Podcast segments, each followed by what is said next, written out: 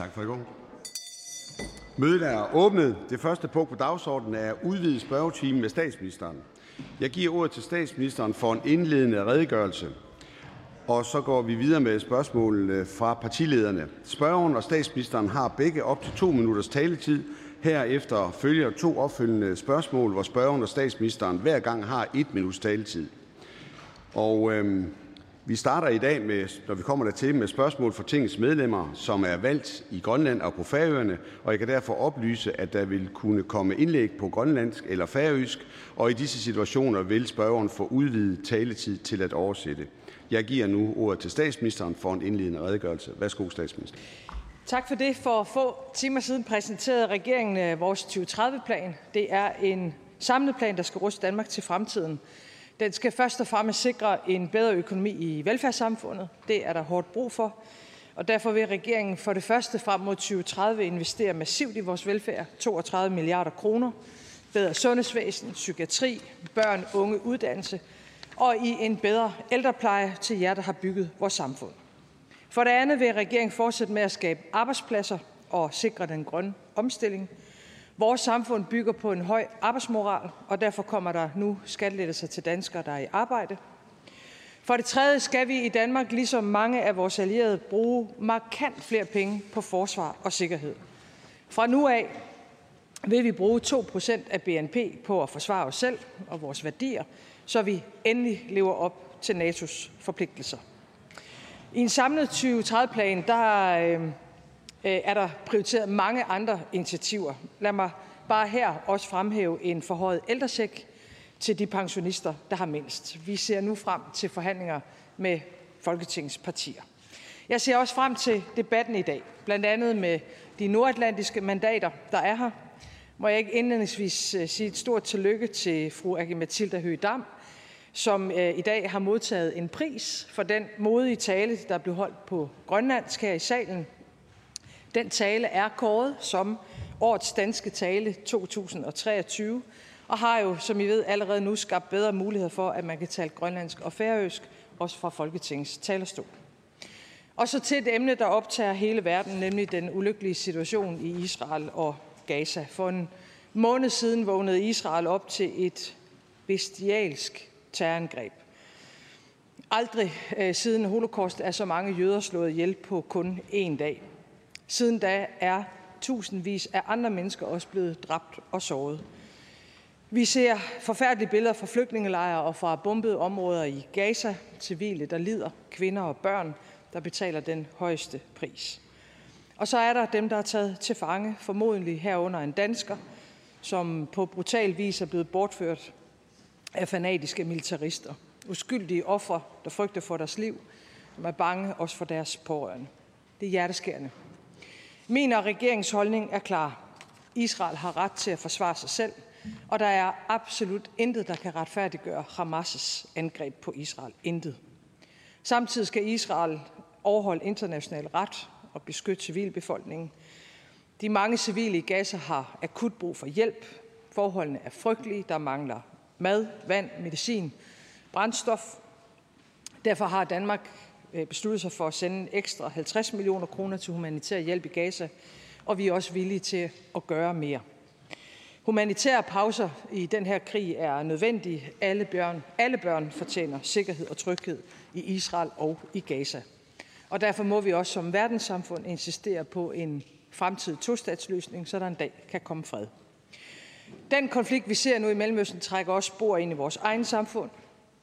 Igen er der jøder, der ikke kan være trygge på gaden i Europa. Man gemmer sin kalot og sine religiøse tegn væk, både til og fra synagogen, men også i alle mulige andre situationer. Det sker i Danmark på gaden i København. Det er forfærdeligt, og det er uacceptabelt, og vi svigter det løfte, vi gav efter 2. verdenskrig. Danmark har i generationer været et af verdens fredeligste samfund, og det er der simpelthen ikke nogen, der skal få lov til at ødelægge. Forudsætningen for, at der er fred i Danmark, er også, at der er fred i Europa, og derfor en kraftig appel til, at alle i Danmark bliver ved med at bakke op om vores ukulige støtte til Ukraine. Tak for ordet. Tak for det. Og den første, der får ordet og stiller spørgsmål til statsministeren, er fru Aki Mathilde Høgh Dam, Siumut. Værsgo.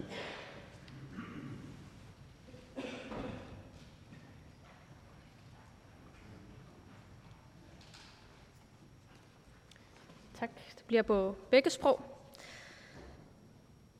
нунатта оқартуссаасуи арлалериарлутик оқаатигиникууаат нунарпут наммина оқартуссааффигилиссагаа нунанут алланут политиккеқарнерпут ajorluartumilli grunlovi аллассимасоқ э патсисааллунигооқ тасса танмаккип тунгаviusumik инатсисаапеққутааллунигооқ нунатта намминеқ нунанут алланут политиккими оқартуссаас uqartussaa susseqarfigilersinnaangila tungaviusumimmi inatsimmi atorneqartartu tassaavoq paragraf 19 nimi allaqqasoq issuavunga kongen handler på rigets vegne i mellemfolkelige anlægner issuaneq naavoq tassani allaqqasoq ima baasisassaavoq Danmarkip ministeri taakkuusussaaput kungeqarfik sinnerluununanut allanut politikkaqarniarnermik isummersorsinnaatitaasusat taasussat. Imak baasineqarsinnaanerpa taava inatsi.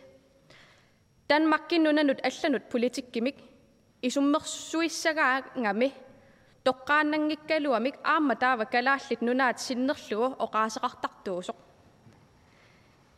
илаасутулли оқа э оқаасеқартартиппаатигут таамаасиллута Ukraine med 2021 мисорсуннеқ саккортусинера таналаани Danmarkip кунгеқарфик синнерлугу аама исуммерсорпут малугинигассааворлли Danmarkki кунгеқарфиуп илуани кисиартааллуни исуммерсортуунгиммат наалаккерсуисут сиулиттаасуат аама оqaасеқарпоқ руслааннип украинимут саассуссинера ассуаралугу нунарпут синнерлугу оqaатигиммагу данмаккип исуммернера калааллит нунааннут ассигииммик исуммернерат оқаллиса оқаллисаасимангилақ ассигиингитсумилли исуммерсорсимагалуартууппата калааллит нунаат илумут исуммерсорсиннаати таассимассагалуарнерпа таамааммат министериунерусоқ аперерусуппара имак калааллит нунаат нунанут алланут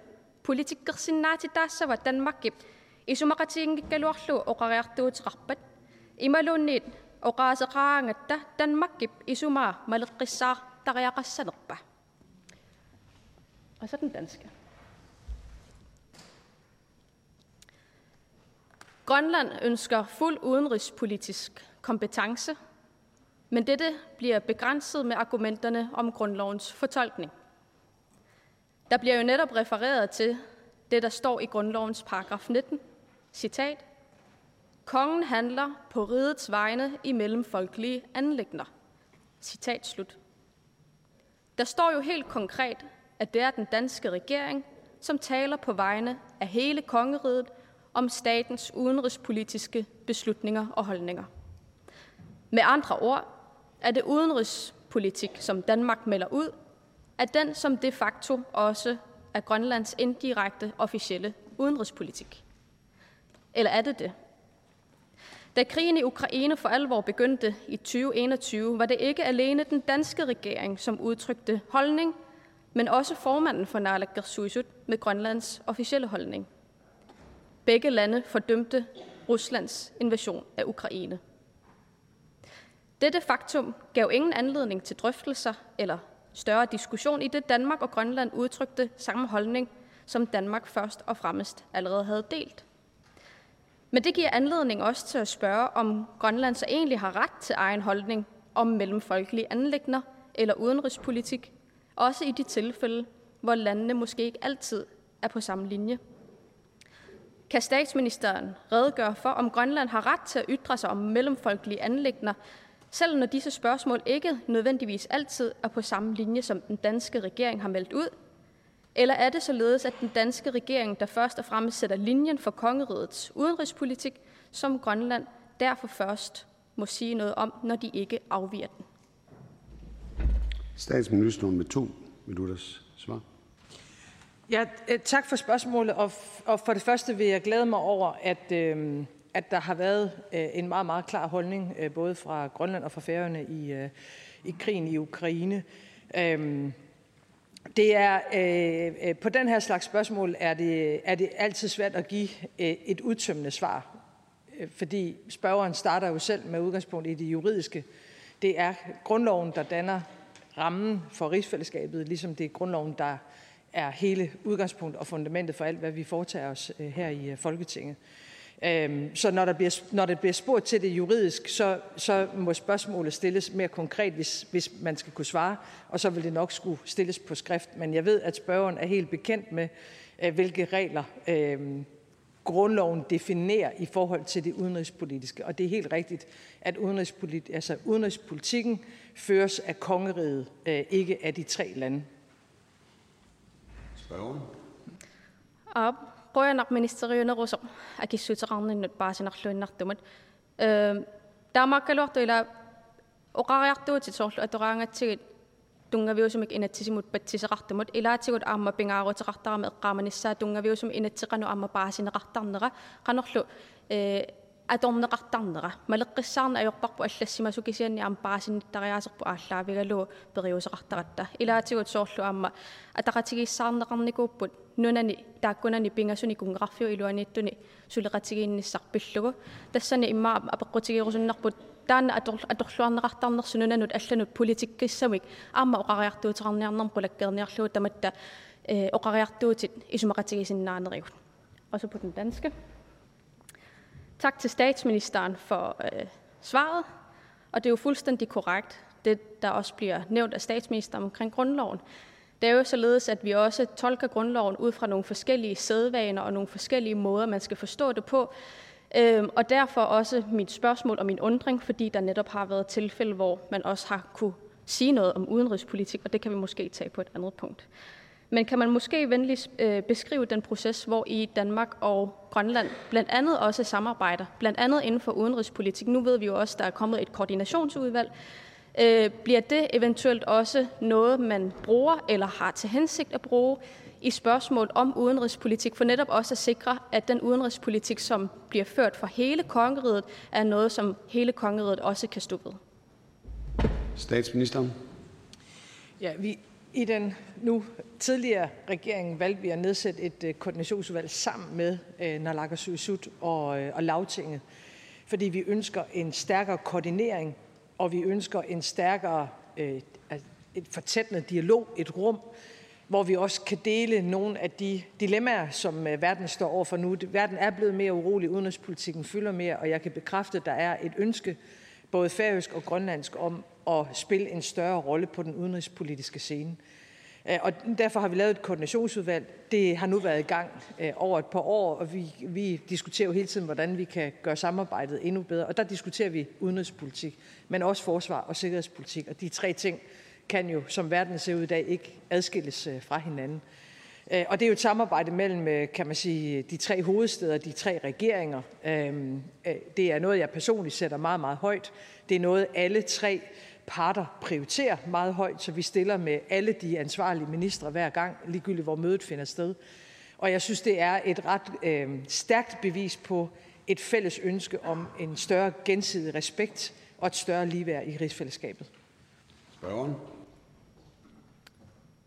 Øhm, ja. Siullum imma quyaannarusuppunga akissutinnut. Neriutigaara tamanna amma imma atorluarneqartassasoq атаавартумик политиккерниараанни алланут имаак унаана паасиуминаассиннааммат амма апеққутигиа писсутигалу нунанут алланут саққуммертарнеқ тассааммат нунат таакку пингаасут синнерлугит аама исуммаммик саққуммиуссисарнеқ det vil sige øh, tak for det første. Og øh, det er jo således, at når vi snakker om, øh, om kongeriget, så, så skal vi jo også huske, at når man så snakker til internationale fora, på vegne af hele kongeriget, så skal vi også være sikre på, at øh, vi så vidt som muligt kan sikre os, at det er noget, som hele kongeriget kan stå ved. Så jeg håber da også, at øh, det er noget, man kan tage med sig i det, at øh, det er noget, der måske ikke har været den mest sædvane retlige, men måske kan bruge koordinationsudvalget til fremover. Statsministeren. Jamen det er jo helt rigtigt, hvis man går tilbage og ser, så har der jo ikke været det samme ønske fra øh, tidligere regeringer øh, om den inddragelse og det meget, meget tætte samarbejde. Og det er jo noget nyt, vi er begyndt på. Jeg oplever egentlig, at alle tre regeringer er glade for det. Øh, det er et rum, vi har behov for at have med hinanden under alle omstændigheder, fordi øh, Arktis, øh, det høje nord, også ændrer karakter. Spændingerne tager til, øh, og det globale blik ind i Arktis er et, er et andet blik end det, vi også historisk har været vant til. Så af mange grunde synes jeg selv, at det, at vi har fået et koordinationsudvalg, er det rigtige øh, at gøre. Øh, og som jeg har givet udtryk for ved mange andre lejligheder, så er jeg øh, villig til hele tiden at forny og forandre og modernisere vores rigsfællesskab ud fra de ønsker, der måtte være i de tre lande. Tak for det, og det afslutter spørgsmålet. Vi siger tak til fru Aki Mathilde Høgh-Dam fra Siumut. Jeg byder nu velkommen til Aya Kemnitz fra Inuit Ataqatigiit. Værsgo. Mange tak, og tak for ordet. Under åbningsdebatten så gav statsministeren udtryk for, at hun gerne vil gøre op med det her ulige magtforhold, som der er mellem Grønland og Danmark. Et ligeværdigt samarbejde mellem vores lande, det er en mærkesag for Inuit Ataqatigiit, og det står også i præamblen til selvstyreloven, som er grundlaget for vores politiske arbejde mellem Grønland og Danmark. I regeringsgrundlaget så fremgår det også, at alle forhandlinger om Grønland skal indbefatte Grønlands deltagelse, intet om Grønland uden Grønland. Og i de mere end otte år, hvor jeg repræsenterede Grønland i Folketinget, har jeg heldigvis også kunne se en klar forbedring i inddragelsen af Grønland. Vi sidder med i forhandlinger, som handler om os, og selvom vi ofte bliver inddraget lidt for sent og måske lidt for lidt, så er det vigtigt, at det grønlandske perspektiv altid bliver husket. Vi er på ingen måde i mål, men vi er på vej. Og derfor er det positivt, at statsministeren anerkender, at der er et ulige magtforhold, for det er der. Alt for mange beslutninger om vores land træffes med alt for lidt kendskab til Grønland. Og indimellem så lever vi politikere i vores egen boble, og vi glemmer lidt den virkelighed, der findes derude. Rigtig mange grønlændere holdes uden for arbejdsmarkedet i Danmark. Mange studerende bliver diskrimineret på uddannelsespladserne rundt omkring i Danmark. Og der er en grund til, at når vi siger intet om Grønland uden Grønland, så er det fordi, at der er et stykke arbejde, som vi skal arbejde for. Vi har oplevet det modsatte i mange år. Hvordan kan vi skabe et mere lige magtforhold, når borgerne de oplever at blive ekskluderet fra fællesskabet? Og hvordan bygger vi bro fra vores velmenende politiske målsætninger til det, også det omgivende samfund, så det ikke bare er noget, der foregår herinde, men også noget, der foregår ude i virkeligheden. Og derfor vil jeg spørge statsministeren, hvilke eksempler vil statsministeren komme på i forhold til et ulige magtforhold mellem Grønland og Danmark, når man henviser det til det i åbningsdebatten? Og hvordan vil statsministeren gøre op med det ulige magtforhold, der er? Statsministeren. Ja, altså man kan sige, historisk har der selvfølgelig været et, et ulige magtforhold. Altså det er et gammelt koloniforhold, og det er i naturen, altså af natur, meget, meget, meget skævt. Jeg har det jo grundlæggende sådan, at jeg forstår godt ønsket om selvstændighed. Hvornår det ønske så måtte materialisere sig, er for mig at se et grønlandsk anlæggende. Men jeg forstår det godt, og jeg har det faktisk sådan, at hvis, ikke, altså hvis man prøvede at forestille sig et land, en befolkning, der ikke har et ønske om selvstændighed, det vil jeg selv synes er mere mærkeligt, end at man har ønsket. Så det er det, der er, sådan er mit sådan værdimæssige udgangspunkt. Og derfor har jeg øh, det er relativt let ved at gå ind i en dialog om, hvordan sikrer vi så den ligeværdighed. Og det er jo, en, det er jo både en institutionel og en kulturel og en politisk lighed, vi taler om. Jeg synes, vi er kommet rigtig, rigtig godt på vej i det politiske, øh, meget, meget tættere samarbejde. Vi kender hinanden bedre, vi bruger mere tid sammen. Det giver jo en anden form for respekt og ligeværdighed. Øh, jeg tror, det er helt rigtigt, vi har haft lejlighed til at diskutere det før, at vi har nogle udfordringer i den danske kultur omkring grønlænder. Altså, der er jo rigtig, rigtig mange med grønlandske rødder, der bor i Danmark, enten i dele af deres liv, eller, eller et helt liv, eller det meste af et liv. Og rigtig mange mennesker har gode oplevelser med at være i Danmark, adgang til uddannelse, man får et arbejde, man lever sit liv her. Men der er også diskrimination, der er fordomme, øh, og der bliver sagt ting, som ikke er rigtige. Øh, og det møder selv i vores unge generation er der unge, der oplever at komme, øh, og så hører man ord, som jeg ikke engang har lyst til at gengive her i Folketingssalen. Og det er et fælles ansvar at gøre op med det og gå op imod det. Det er kultur. Det kan vi ikke lovgive os ud af. Det er et kulturelt valg, vi skal træffe, hvordan vi møder hinanden. Øhm, så når jeg har været meget optaget af at fortætte samarbejdet øh, mellem øh, de tre hovedsteder, de tre regeringer, og selv jo taler om tre lande og tre folk, Øh, så er det forhåbentlig også et bidrag fra min side til at få skabt et mere ligeværdigt forhold. Spørgeren. Tak for svaret. Man kan sige, ja, der er et fælles ansvar i forhold til at talesætte det, men det er jo meget klart, at det er jo statens ansvar i forhold til at ændre den strukturelle forskelsbehandling, der er. Og for nylig så udkom Institut for Menneskerettigheder med en rapport om grønlandske studerende i Danmark, som viser, at 73 procent af de grønlandske studerende møder fordomme. Hver femte oplever negativ forskelsbehandling, når det er, de skal deltage i gruppearbejde, når de søger praktik eller job. Og ILO's uh, øh, konvention 169 forpligter den danske stat til at udligne de uddannelsesmæssige barriere, som grønlændere i Danmark oplever.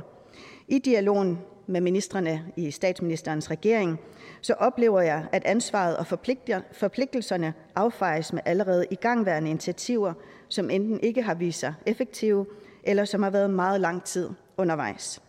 Et eksempel er Trivselskommissionen, et andet er den nationale handlingsplan mod racisme, og vi har stadigvæk til gode at se et målrettet initiativ, som retter sig direkte i forhold til at fjerne diskrimination mod grønlændere i Danmark.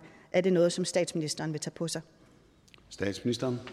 Jeg, jeg synes altid, der skal være en åbenhed i forhold til, om der, er, om der er noget, vi kan gøre endnu bedre i de initiativer, der er i gang. Jeg tror her, man skal skælne, altså hvis en, et, et menneske med grønlandske rødder oplever at blive diskrimineret i forbindelse med jobsøgning på grund af etnicitet, der har vi jo faktisk en ret klar lovgivning. Det må man ikke. Øh, det andet eksempel, der bliver brugt her, det er gruppearbejde. Det er jo ikke noget, vi kan lovgive om. Øh, her er vi jo inde og, øh, her er vi inde og rører ved noget kultur, som, øh, hvor politik har sine begrænsninger, men hvor alle os, der sidder her i salen, jo har et særligt ansvar for at gå op imod de fordomme øh, og få givet et, et, øh, et mere korrekt billede af, hvad det vil sige øh, at komme fra Grønland øh, og, og, og leve hele eller dele af sit liv i, i Danmark. Så jeg synes, det er et, et vigtigt indsatsområde, og hvis der er hjørner af lovgivningen, der ikke er god nok, så synes jeg bestemt, vi skal kigge på det. Spørgeren. Tak. Der er i hvert fald ingen tvivl om, at øh, der sker ikke den ligebehandling, som man godt kunne tænke sig, og der er heller ikke de mekanismer til at kunne handle på det.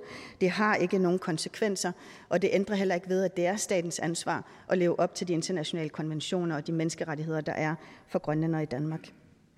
Et andet område er, at danske børn og unge de ved ikke særlig meget om Grønland, og den uvidenhed er også med til at fastholde de her fordomme, som der er omkring grønlandere.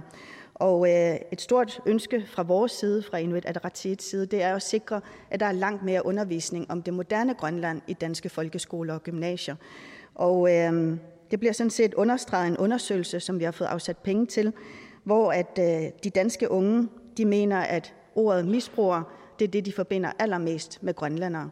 Så derfor vil jeg spørge statsministeren, om man er villig til at tage de øh, beføjelser, øh, det vil sige herunder også i et skoleforlig, og, og, og være opmærksom på grønlændere, fordi der er vir, virkelig rigtig mange fordomme i forhold til grønlændere i Danmark, som vi gerne vil gøre op med, for at kunne sikre, at det her ulige magtforhold, det forhåbentlig også bliver ændret i fremtiden. Statsministeren. Jamen et par ting. Altså for det første synes jeg, at vi skal holde fast i, at langt de fleste med grønlandske rødder, der bor i Danmark, har et godt liv her. Øh, er kommet hertil frivilligt, vil gerne være her, har et godt arbejde, går i skole, øh, lever et godt liv. Øh, det synes jeg er vigtigt at holde fast i. Øh, to, så synes jeg ikke, det er mig, der i Folketingssalen skal stå og definere, hvad det er, der skal undervises i konkret i, øh, i folkeskolen. Det har vi en, en, en folkeskoleforligskreds til, som vi i øvrigt fra regeringens side mener jo skal tage et skridt væk fra folkeskolen, fordi vi egentlig har ret stor tillid til, at, at lærerne øh, sammen med en skolebestyrelse og en skoleleder og elever og forældre er de bedste til at lave vores, vores folkeskole lo- lokalt. Jeg tror til gengæld, det er rigtigt, at, øh, at rigtig, rigtig mange danskere mangler oplysning om det moderne Grønland. Øhm, og, og det må vi jo sådan kontinuerligt have en snak om, hvordan vi kan, hvordan vi kan tilvejebringe. Der tror jeg, at spørgeren er en af de bedste til at være med til at formidle det. Tak for det. Og til afslutter spørgsmålet. Vi siger tak til fru Aya Kemnitz fra Inuit Ataqatigiit. Og jeg giver nu ordet til fru Anna Falkenberg fra Sambandsflokkuren. Værsgo. Tak for ordet. Øh, jeg vil også starte med at komme ind på nogle af de emner, som de tidligere spørger også har været inde på, nemlig det, at øh, statsministeren i sin åbningstale for et par uger tilbage øh, sagde, at rigsfællesskabet skal bestå af et ligeværdigt samarbejde mellem tre lande, tre folk og tre regeringer. Øh, en positiv indstilling, hvis jeg selv skal sige det, og brugt også noget af min taletid til åbningsdebatten på, nemlig at, at drøfte det her emne. Og sådan, som, som jeg læser det og forstår det, så, øh, så er det, at den her regering vil og tør tænke rigsfællesskabet på en anden, mere tidsvarende måde, end man før har gjort. For jeg tror virkelig, der er et behov for, at vi ser på rigsfællesskabets konstruktion, for at rigsfællesskabet skal kunne bestå i fremtiden. Så jeg vil gerne øh, bede statsministeren om at uddybe, hvad det er for nogle ændringer, øh, statsministeren mener, der skal til, for den her vision virkelig kan være ført ud i live. Og kan statsministeren sætte nogle ord på, hvordan regeringen vil forholde sig til en ændring af rigsfællesskabet, der giver Færøerne og Grønland et større udenrigspolitisk rådrum? Statsministeren. Ja, altså for det første tror jeg ikke, det er mig, der skal definere, hvad der er det rigtige for rigsfællesskabet. Det er nok en selvstændig pointe i sig selv, at det er de tre lande. Øh, og vi har haft et rigsfællesskab i mange år, men, men det er klart, landene udvikler sig, verden udvikler sig, og tro på, at rigsfællesskabet så kan stå som sådan et, øh, et fast holdepunkt, der ikke forandrer sig, øh, ja, det vil selvfølgelig være i bedste fald naivt, og i værste fald nok i virkeligheden øh, med en illusion øh, født i sig. Så for mig er det her jo en del af en, øh, en, en, en debat og en dialog, der er, og, og hvor der jo er nogle forskellige strømninger. Det ved jeg, der er øh, færøerne, det er der også i Grønland. Øh, og jeg synes i virkeligheden ikke, det er mig som øh, dansk statsminister, der skal definere, hvad der er det rigtige for Færøerne og Grønland. Jeg betragter min egen opgave øh, som værende ansvarlig for rigsfællesskabet og facilitere, at det rigsfællesskab fungerer så godt, som det nu engang kan lade sig gøre med den grundlov, vi har. Men fremtiden for Færøerne og Grønland, synes jeg, ligger to andre steder i verden end i København. Øh, hvad, hvad er ligeværdighed? Ja, det er jo noget af det, jeg synes, vi er i gang med, altså, hvor vi har et, et meget, meget tættere samarbejde, end det var tilfældet tidligere. Og her vil jeg igen henvise til noget af det, vi i dag laver på forsvars-, udenrigs- og sikkerhedspolitikken, hvor vi har et meget mere ligeværdigt samarbejde, end der i hvert fald historisk set har været tradition for. Spørgeren. Tak for svaret. Og grunden til, at jeg faktisk spurgte ind til de her ting, er, fordi selvfølgelig skal det færøernes fremtid, der skal besluttes på færøerne. Men jeg tror også, der er et behov for, at man fra dansk side faktisk sætter sig ned og tænker, hvad er det, vi vil gerne vil ved rigsfællesskabet. Det tror jeg vil gavne vores samarbejde og ligeværdigheden, ligeværdigheden i en bredere perspektiv. En videre til et andet emne. Øh, jeg deltog i sidste uge sammen med statsministeren til Nordisk Råd i Oslo. Øh, og her kom spørgsmålet om Færøernes ønsker med fuldgyldig medlemskab igen op at vende. Og blandt andet sagde statsministeren inde i, inde i salen i, i Oslo, at den danske regering står bag Færøerne ønsker om at spille en anden og stærkere rolle i det nordiske samarbejde. Har statsminister mulighed for at uddybe, hvordan vi skal forstå den her udmelding? Fordi som jeg ser det, er det første gang, den, den her udmelding er kommet så klart. Og skal vi forstå det sådan, at den danske regering støtter øh, Færøernes ønske om et fuldgyldigt medlemskab af Nordisk Råd? Statsministeren. Det er på det her område, som øh, alt andet, der vedrører øh, udenrigspolitik, at det er grundloven, der er den juridiske ramme med de muligheder og de begrænsninger, som den øh, tilskriver. Øh, så har vi et samarbejde med andre lande i nogle forskellige sammenhænge, herunder det nordiske, hvor øh, øh, grundloven kan være definerende for noget, men øh, det at deltage i møder ikke nødvendigvis jo er et anlæggende, som, som, som grundlovene direkte vedrører. Øh, så så det kan, jeg vil ikke kunne give et fyldsgørende svar på det. Det jeg sagde øh, på mødet i Nordisk Råd, det er, at der er et ønske. Det bakker jeg op omkring. Men det er ikke sådan, at øh, hverken Færøerne eller Danmark har defineret, hvordan det så øh, præcis skal se ud. Men det er klart, det er grundloven, der er rammen. Spørgeren. Tak for svaret. Og grunden til, at jeg også spurgte ind til det her, er jo netop fordi, at der er øh, medlemmer fra Nordisk Råd, der har sat sig en arbejdsgruppe nu for at definere en ny Helsingfors-aftale, og hvad der er for nogle ønsker, der er til en ny Helsingfors-aftale. Hvor vi fra Færøernes side har et stærkt ønske om, at Helsingfors-aftalen også kommer til at rumme de såkaldte selvstyrende områder, som jeg vil sige er en del af de nordiske lande.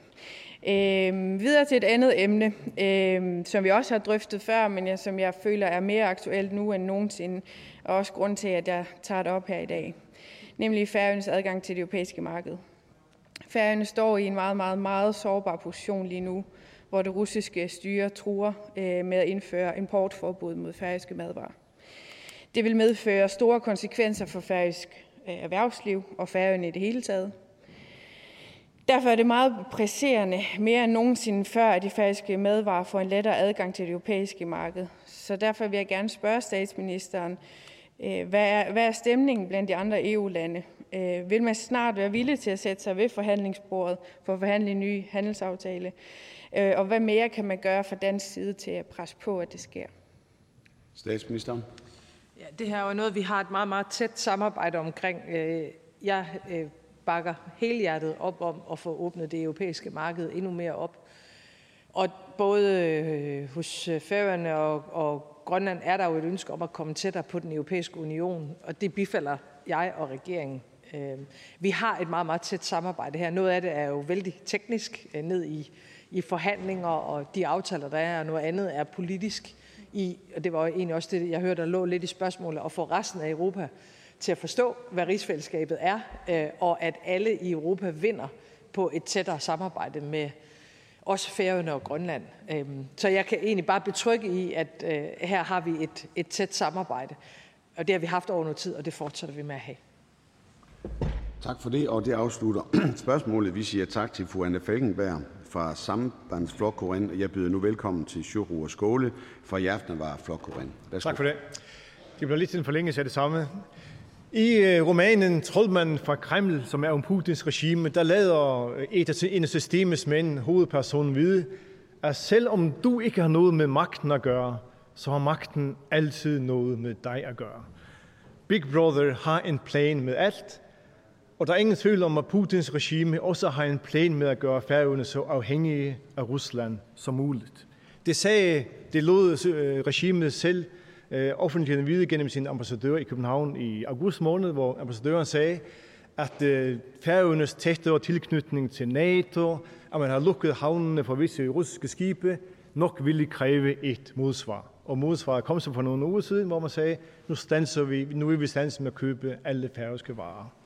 Altså man bruger den økonomiske relation til ligesom at omfavne Færøerne politisk. På den anden side har vi så EU, som holder Færøerne ud i strakt arm økonomisk, uden tanke for, hvilke politiske konsekvenser det, det har. Øh, regeringen siger i sin nye udenrigspolitiske strategi, at en af Europas vigtigste opgaver de næste år bliver at styrke relationen til EU's nabolande, at mindske deres afhængighed og sårbarhed over for andre aktørers forsøg på en negativ indflydelse. Men EU's politik over for Færøerne er altså i direkte modstrid imod denne strategi. Danmark, som der blev sagt, støtter vores ønske om en bedre aftale, og tak for det. Men har man, og det er spørgsmålet, har man i, i København og, og specielt i Bruxelles en forståelse for, at det her ikke kun handler om køb og salg af varer, men at der også er et vigtigt sikkerhedspolitisk aspekt i at lade færøske varer få bedre adgang til det europæiske marked. Jeg også spørger os, tænker man lige klart, politisk, langsigtet, strategisk i København og Bruxelles, som man gør i, i Kreml? Statsministeren. Jeg kan love, at vi ikke tænker på samme måde, som Kreml øh, gør i nogen øh, henseender. Til gengæld er det min oplevelse, at når der bliver spurgt til, om Bruxelles øh, kan se pointen i også at koble Færøerne tættere på Grønland og fortættende samarbejde, så er svaret ja.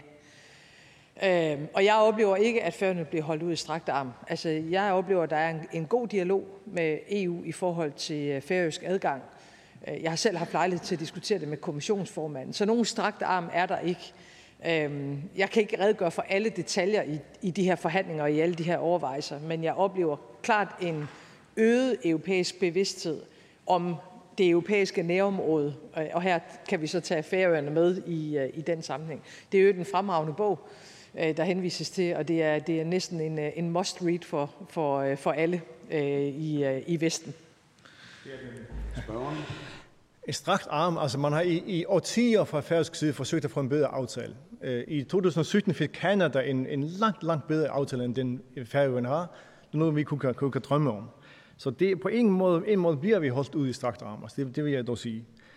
Øh, madvarer er ikke omfattet af EU's sanktioner, men, men det færøske opdrætserhverv har selv med, med, med politiske og moralske argumenter afsluttet al, al handel med Rusland. Men det er svært for en anden del af industrien, blandt andet på grund af tolvmure. Der står også i Danmarks nye udenrigspolitiske strategi, at Danmark skal arbejde aktivt for, at EU bekæmper protektionisme og styrker lige konkurrencevilkår globalt set. Og der er altså meget langt fra at være lige konkurrencevilkår mellem Færøerne og EU, og dermed faktisk også mellem Færøerne og Danmark. Den protektionisme, som regeringen øh, vil bekæmpe, er faktisk lige det, som vi er op imod. Øh, har, har statsministeren nogle, nogle tanker om, hvordan det kan være, altså hvilke kræfter, der modarbejder en bedre aftale? Statsministeren. Jamen, jeg tror ikke helt, jeg deler det billede af, at der ikke er en europæisk interesse. Som jeg sagde før, kan jeg ikke jeg slet ikke på stående fod at redegøre for alle øh, tekniske detaljer på fiskeriområdet. Øh, nogle gange kan der jo være modsatte rettede interesser i forhold til altså konkret på fiskeriområdet. Det er jo også noget, Færøerne selv er meget, meget optaget af. Men jeg oplever ikke en generel modvilje. Tværtimod oplever jeg en stigende europæisk bevidsthed om, at, øh, at det at tænke Europa som et, øh, og det gælder jo også lande, der måtte have forladt det europæiske samarbejde, eller aldrig har været en del af det direkte, at det er vigtigt af mange årsager, og ikke mindst sikkerhedspolitisk. Øhm, men det er nok en, øh, det er nok en, en ressortminister, der er bedre, for, eller bedre til at redegøre for nogle af de konkrete detaljer, men på sådan det overordnede politiske, der oplever jeg en stor lydhørighed. Spørgen. Det er jeg meget glad for, og det, det handler nemlig om det overordnede politiske. Altså det, problemet er, at man har fokuseret på det økonomiske, og ikke haft blik for, at det altså også drejer sig om noget, noget overordnet strategisk politisk. Øh, for at vende tilbage til den nye strategi, som jeg tydeligvis er meget glad for, der står der, at øh, den kamp om indflydelse, som udspiller sig globalt, og der på, det påvises, at Kina og Rusland forsøger at øge deres indflydelse i mange lande, og så står der med tilbud om investeringer, samarbejde og støtte, ofte rettet direkte mod lokale eliter, hvormed de søger at præge landenes udenrigspolitiske orientering. Det er nok lande i Afrika og Østeuropa, man tænker på i den, den, den tekst, som regeringen udgav for nogle, nogle dage siden. Men tror statsministeren, at det også kan gøre sig gældende i Nordatlanten, at, at Rusland har samme strategi over for lande i Nordatlanten? For eksempel kunne det være Færøerne. Statsministeren? Jeg har haft det sådan øh, siden øh, krigen øh, udbrød på Europas kontinent, at jeg ikke tror, at den krig, der udspiller sig lige nu, først og fremmest handler om Ukraine. Selvom det jo helt klart er Ukraine, der betaler den højeste pris med deres unge mænd og kvinder, der dør på slagmarken, så handler det her om et Rusland, der ønsker at være et imperie, som ikke respekterer det internationale verdenssamfund og dets spilleregler, og som ønsker, at det er få stærke kræfter, der definerer verdensgang. Og det tror jeg gælder øh, på Ruslands blik på alt, også det nordatlantiske område. Desværre. Tak for det, og det afslutter spørgsmålet. Vi siger tak til Sjoro Skåle fra Javnavar Flokkorin, og jeg byder nu velkommen til fru Pia Olsen Dyr fra Socialistisk Folkeparti. Værsgo. Der er meget, man kan forholde sig til i sådan en spørgetime. Krigen i Ukraine, krigen mellem Israel og Hamas og alle de civile ofre i den forbindelse, klimaforandringer, men også herhjemme, FE-sagen, koranloven, forfølgelsen af de danske lyder, og jeg er glad for, at statsministeren nævnte det, vores drikkevand og landbrugets CO2-udslip. Der er masser, man kan snakke om. Men jeg vælger altså at bruge min tid i dag på noget af det, mange danskere oplever i deres hverdag. Når de afleverer deres børn i børnehaven, og der ikke er nok pædagoger, og de stues sammen 36 børn i et lokale med én pædagog og to ufaglærte når de bliver indlagt på hospitalet, og personalet løber så hurtigt, fordi de ikke er kollegaer nok, at der er folk, der må vente, for eksempel på at gå på toilettet. Når deres børn med handicap får nej til særlige hjælpemidler eller undervisning, som de har brug for. Når den blinde mand selv må gøre rent, fordi der ikke er tid og ressourcer i ældreplejen til det. Ude i det ganske land, så er forringelserne i vores velfærd mærkbare. Nogle kalder det rutine, at man skal spare derude, og man kan også gøre tingene meget mere effektivt og stramt. Men det, der sker, når man gør det igen og igen, så kan det mærkes i velfærden. Og jeg tror, vi har brug for at tænke på en anden måde. Jeg tror, vi har brug for at investere i vores velfærd. Og Danmark har, det kan vi se med regeringens 2030-plan i dag, aldrig været så godt stillet økonomisk, som man i virkeligheden godt kunne vælge at investere. Derfor har SF også foreslået et løft af vores velfærd på 2,4 milliarder for netop at lave et stop for besparelserne. Det er ikke, det er ikke lavkage og flødeskum, det er bare et stop for besparelserne. Så derfor er mit spørgsmål til statsministeren helt enkelt det her. Hvorfor uddeler vi skattelettelser i en tid, hvor vi har brug for at investere i vores fælles velfærd? For vi risikerer, at borgerne mister tilliden til vores velfærd, og at tilbudene forringes over hele landet. Statsministeren. Ja, øh, for det første vil jeg sige, at det billede, der tegnes, synes jeg ikke kendetegner hele vores velfærdssamfund. Jeg øh, synes bestemt også, der er steder i vores velfærd, hvor vi kan gøre tingene bedre. Det gælder ikke mindst på ældreområdet. Men der er også mange ting, der fungerer. Jeg tror, det er vigtigt, at vi får begge dele med, øh, så vi får et, et fuldstændigt billede af, hvad det er, der sker. Jeg synes også, regeringen synes også, der skal bruges flere penge på velfærd. Og derfor har vi jo også lagt en 2030-plan frem i dag, der giver det største løft i velfærd i 15 år. Altså et større løft end det, øh, også vi har evnet i andre regeringskonstellationer øh, at få løftet. Og det er jeg rigtig, rigtig glad for, for det er der brug for. Øh, og det gælder bredt. Det gælder psykiatrien, det gælder på sundhedsområdet, som der bliver nævnt her før. Øh, vi har øvrigt i fællesskab indført minimumsnummeringer, fordi vi både SF og Socialdemokratiet er optaget af, hvad der sker på børneområdet. Så med den 2030-plan, der ligger nu, ja, der kan vi netop foretage øh, de store investeringer, der er behov for i vores velfærdssamfund bredt. Spørgeren. Den 2030-plan, som regeringen har lagt frem i dag, den gør jo i virkeligheden, at man kan dække noget, men man kan ikke lægge særlig meget ovenpå. Hvad betyder det? Det er, at man siger, at velfærden i dag er god nok, så vi kan lave lidt mere, men i virkeligheden ikke lave det, vi har brug for at lave derude. Øh, fordi lige nu er det jo, at det kan mærkes i velfærden. Jeg er egentlig lidt nysgerrig, hvad statsministeren vil sige til borgerne i Midtjylland, når man lige om lidt kommer til at se en de facto nedlukning næsten af Silkeborg sygehus. Den bliver stadig åben, men der er blandt andet nattelukket, og afdelinger bliver lukket ned. Det er Danmarks bedste, mindste hospital, og det er blevet kåret igen og igen. Eller hvad man siger til borgerne generelt i Midtjylland, fordi man har sagt, nu er der ansættelsesstop. Fordi når der så er folk, der bliver fyret, eller folk, der går på pension, eller noget andet, jamen så kan vi ikke erstatte det med en ny medarbejder. Det er jo det, der er billedet ude i vores velfærd. Jeg anerkender bestemt vores dygtige velfærdsmedarbejdere, men det her det er jo konsekvensen. Og jeg er bare nysgerrig, hvad statsministeren vil sige til de borgmester, til de borgere det næste år, som kommer til at mærke forringelserne. Og hermed ikke sagt, at medarbejderne ikke gør det godt. Statsministeren. Det er bare vigtigt at holde fast i, at det ikke er konsekvensen af skattelettelser, fordi vi giver ikke skattelettelser nu. Øh, de skattelettelser, der er bebudet i øvrigt primært jo til helt almindelige mennesker, der er i arbejde, og i øvrigt en mindre skæv skattereform end den SF selv foreslog, da SF var i regering. Det er jo først i de kommende år.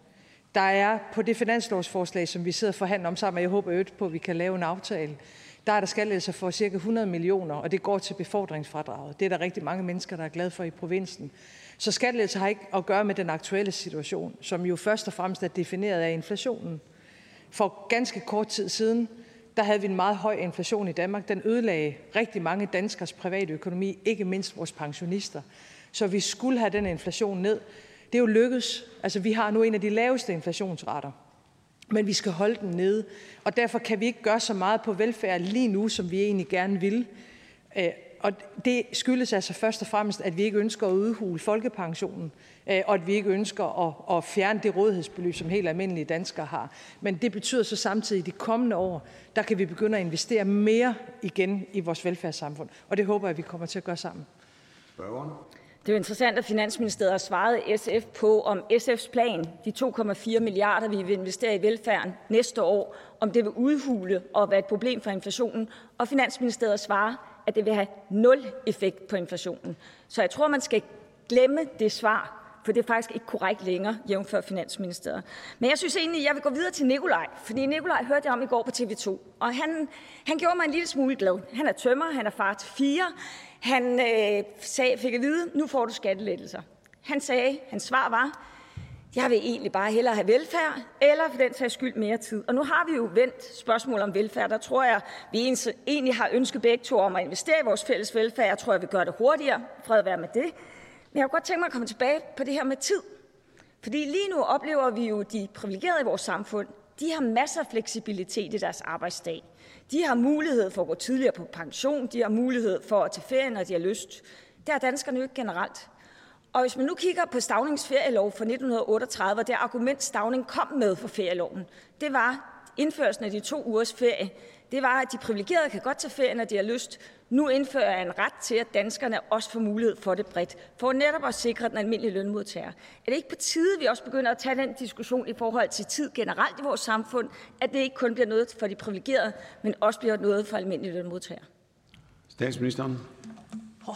Det var et stort spørgsmål, tror jeg, at besvare på, øh, på 30 sekunder. Øhm, jeg synes, man skal have mulighed for at trække sig tilbage, før man bliver folkepensionist, hvis man er nedslidt. Og, og jeg forstår godt, at alle, øh, ikke mindst når man har børn, går meget op i, at der er en ordentlig balance mellem øh, arbejde og familieliv. Men jeg vil også gerne holde fast i, at det, der har bygget Danmark, det er ikke alle mulige naturressourcer. Øh, det er vores arbejdsindsats. Det er danskernes meget høje arbejdsmoral og det, at vi hver især sætter en ære i at gå på arbejde og forsørge os selv. Øh, for både at sikre vores egen familie, men også det her velfærdssamfund. Det er det, der har gjort Danmark rigt. Øhm, og jeg, jeg forstår, øh, nej, det ved jeg faktisk ikke, om jeg gør, men mange er optaget af at holde fri. Øhm, jeg er optaget af, at vi har et samfund, der hænger sammen. Øh, og selvfølgelig skal der være en balance mellem arbejde og familieliv. Men hvis, hvis, hvis, hvis det får lov til at tage over, at det vigtigste er at holde fri, så kan jeg bare se, at så kan vi simpelthen ikke finansiere et velfærdssamfund. Så jeg synes, der skal være en, en balance i det her, og derfor er jeg selv meget optaget af, at hvis man er nedslidt, så skal man kunne gå tidligere fra. Tak for det, og det afslutter spørgsmålet. Vi siger tak til fru Pia Olsen Dyr fra Socialistisk Folkeparti. Jeg byder nu velkommen til fru Inger Støjberg fra Danmarksdemokraterne. Værsgo. FE-sagen det er en øh, kæmpe skandale, som øh, jo har betydet, at blandt andet Claus Hjort er blevet øh, trukket igennem et øh, forløb, som er fuldstændig grænseoverskridende. Øh, jeg skal ikke lægge skjul på, at jeg mener, at Claus Hjort er en hedersmand. Øh, men jeg har næsten ikke ord for det, øh, blandt andet han er blevet trukket igennem. Og jeg håber derfor også, at øh, statsministeren nu også synes, at efter at de her sager er blevet droppet, at øh, den her øh, sag skal undersøges til bunds, og hver en sten skal vendes. Jeg synes, at man øh, spiller hasard med befolkningens tillid til systemet. Sagen har fra starten været håndteret forfærdeligt fra regeringens side. Og derfor så vil jeg selvfølgelig spørge statsministeren om, hvad hun har tænkt sig at gøre for at genopbygge tilliden til øh, altså befolkningens tillid i den her sag. Øh, hvad har hendes egen rolle i sagen været? Claus Hjort Frederiksen har jo øh, udtalt, at øh, sagen imod ham er rejst på foranledning af statsministerens departementschef, øh, Barbara Bertelsen. Og øh, han har også givet udtryk for, at han ikke tror, at øh, hun foretager sig noget, uden at det er klidret med statsministeren. Jeg vil med andre ord spørge statsministeren, om hun på noget tidspunkt har været vidne om, at hendes departementschef personligt har ringet til Justitsministeriets departementschef for at få sat gang i sagen imod Claus Hjort Frederiksen, som øh, Claus Hjort Frederiksen jo har nævnt i flere medier. Statsministeren. Ja, der har været fremført en række øh, spekulationer om de øh, straffesager, som anklagemyndigheden sluttede i sidste uge. Og måske bare lige et par øh, fakta. Altså arbejdsfordelingen er jo sådan, at straffesager i Danmark øh, hører under anklagemyndigheden, ressortmæssigt under justitsministeren, Øh, de sager, øh, som også bliver omtalt her, har været behandlet i retssystemet. Øh, både justitsministeren, men også rigsadvokaten og chefen for PET har klart afvist, at der har været øh, usaglige hensyn i øh, de her sager, og det kan jeg øh, henholde mig til. Så tror jeg øvrigt ikke, det er rigtigt, at danskerne ikke har tillid til efterretningstjenesterne. Jeg hører det faktisk aldrig. Øh, der er heller ikke nogen grund til ikke at have det. Øh, vi har dygtige efterretningstjenester øh, i Danmark. Vi har et af verdens stærkeste demokratier. Vi har en meget, meget fin tredeling af magten i Danmark. Det skal vi holde fast i og blive ved med at have. Efterretningstjenesterne har jo det særlige omkring sig, at alt ikke kan deles med alle. Det er også derfor, man her i Folketinget har besluttet sig for at have et særligt udvalg, der vedrører efterretningstjenesterne. Men efter nu at have været folketingsmedlem i mere end 20 år og minister af flere omgange, så kan jeg berolige alle med, at vi har to dygtige efterretningstjenester, som danskerne kan have fuldt ud tillid til. Nu er det jo sådan set ikke kun øh, efterretningstjenesterne, jeg mener, at der skal genopbygges tillid til. Det er jo systemet, og dermed jo altså også statsministeriet, statsministeren, statsministerens departementchef. Det er jo det, der bliver spurgt ind til statsminister her i dag. Øh, og det er jo ikke noget, øh, vi fra Danmarksdemokraterne bare ønsker, at der skal spørges ind til. Der er jo otte partier, der er gået sammen om at få den her sag belyst. Øh, og det betyder jo blandt andet, at undersøgelseskommissionen skal flyttes over til Folketingets grænsningsudvalg. Og derfor så er mit spørgsmål selvfølgelig, kan statsministeren ikke her i dag, hvis hun vitterlig ikke har noget at skjule, så sige ja til, at øh, undersøgelsen af den her sag lægges over i Folketinget, så det ikke er regeringen, der skal undersøge regeringen, men at Folketinget får hånd i hanke med det, som, øh, som det her handler om. Øh, så alle parter bliver undersøgt, også statsministeren. Statsministeren. Øh, der kommer til at være en dialog hos øh, justitsministeren om en, øh, en, en undersøgelse på det her område, og det, det vil jeg opfordre alle folketingspartier til at gå ind i. Jeg vil sige helt generelt, så er der mange påstande i det offentlige rum. Man kan have fuldstændig tillid i Danmark. Det er ikke alle lande, hvor det er sådan, men sådan er det i Danmark. Man, man, og det er, jo det, det er jo noget af det, der er det mest enestående ved vores land – det er, at man kan stole på myndighederne, man kan stole på vores retssystem, øh, og det er der kun grund til at gøre. Øh, uagtet hvad der måtte blive sagt og skrevet, så er Danmark et af verdens bedste demokratier, og heldigvis kan man have tillid til alle myndigheder. Ja, det er jo det, der er spørgsmålet. Men nu til noget andet. I weekenden der kunne Berlingske Tidene afsløre, at omfanget af barnebrud i Danmark har været langt større, end øh, det var fremme i min sag. Mere end øh, 1200 mindreårige ikke-vestlige piger er blevet øh, videt bort via kongebreve i Danmark fra 1980'erne og op til 2017, og nogle af dem har været under den seksuelle lavalder. Det er klart, at det er en sag, der fylder meget for mig, fordi jeg fik jo som bekendt 60 dages ubetinget fængsel for at beskytte de her piger. Men jeg håber sådan set også, at at statsministeren, børnenes statsminister nu, bliver interesseret i den her sag. Og derfor så vil øh, jeg høre, om statsministeren vil bruge anledningen i dag til på vegne af den danske stat, som statsministeren jo har gjort i andre sager, at sige undskyld for det enorme svigt, der er sket over for pigerne, og om regeringen vil nedsætte en kommission, så vi kan få ansvaret placeret for, at ikke mindre end mere end 1200 piger med ikke-vestlig baggrund er blevet giftet bort som barnebrud i Danmark. Statsministeren. Jeg er ikke øh, bekendt med det her i alle detaljer, kan derfor heller ikke svare på, om der, øh, hvilke skridt der skal tages, men jeg øh, foragter alt omkring barnebrud. Alt. Og det er mig grænseoverskridende, at man kommer hertil udefra og tager skikke med sig til Danmark, som slet ikke hører hjemme her. Og det er sådan set ligegyldigt, om man står og demonstrerer for Hamas i Københavns Gade, hvad jeg ikke synes, man skal kunne. Øh, opfordre til terror, billige terror, øh, om det er barnebrud, øh, om det er øh, etablering af kunstige mødom, om det er kønsopdelt øh, svømmeundervisning, eller hvad det er, folk udefra, som ikke er demokrater, og som ikke tror på frihed, og som ikke tror på de danske værdier, bringer ind i vores samfund. Øh, og jeg vil gøre alt, hvad jeg kan for at stå fast på, at når man er i Danmark, så overholder man danske spilleregler, og man bliver nødt til at eje, ikke kun i en ceremoni eller på skrift, men i hjertet, hvad det vil sige at være demokrat. Og der skal mindreårige piger selvfølgelig ikke giftes væk til voksne mænd. Tak for det, at jeg afslutter spørgsmålet. Vi siger tak til fru Inger Støjberg fra Danmarksdemokraterne. Jeg byder nu velkommen til hr. Alex Vanopslagh, Liberal Alliance. Værsgo.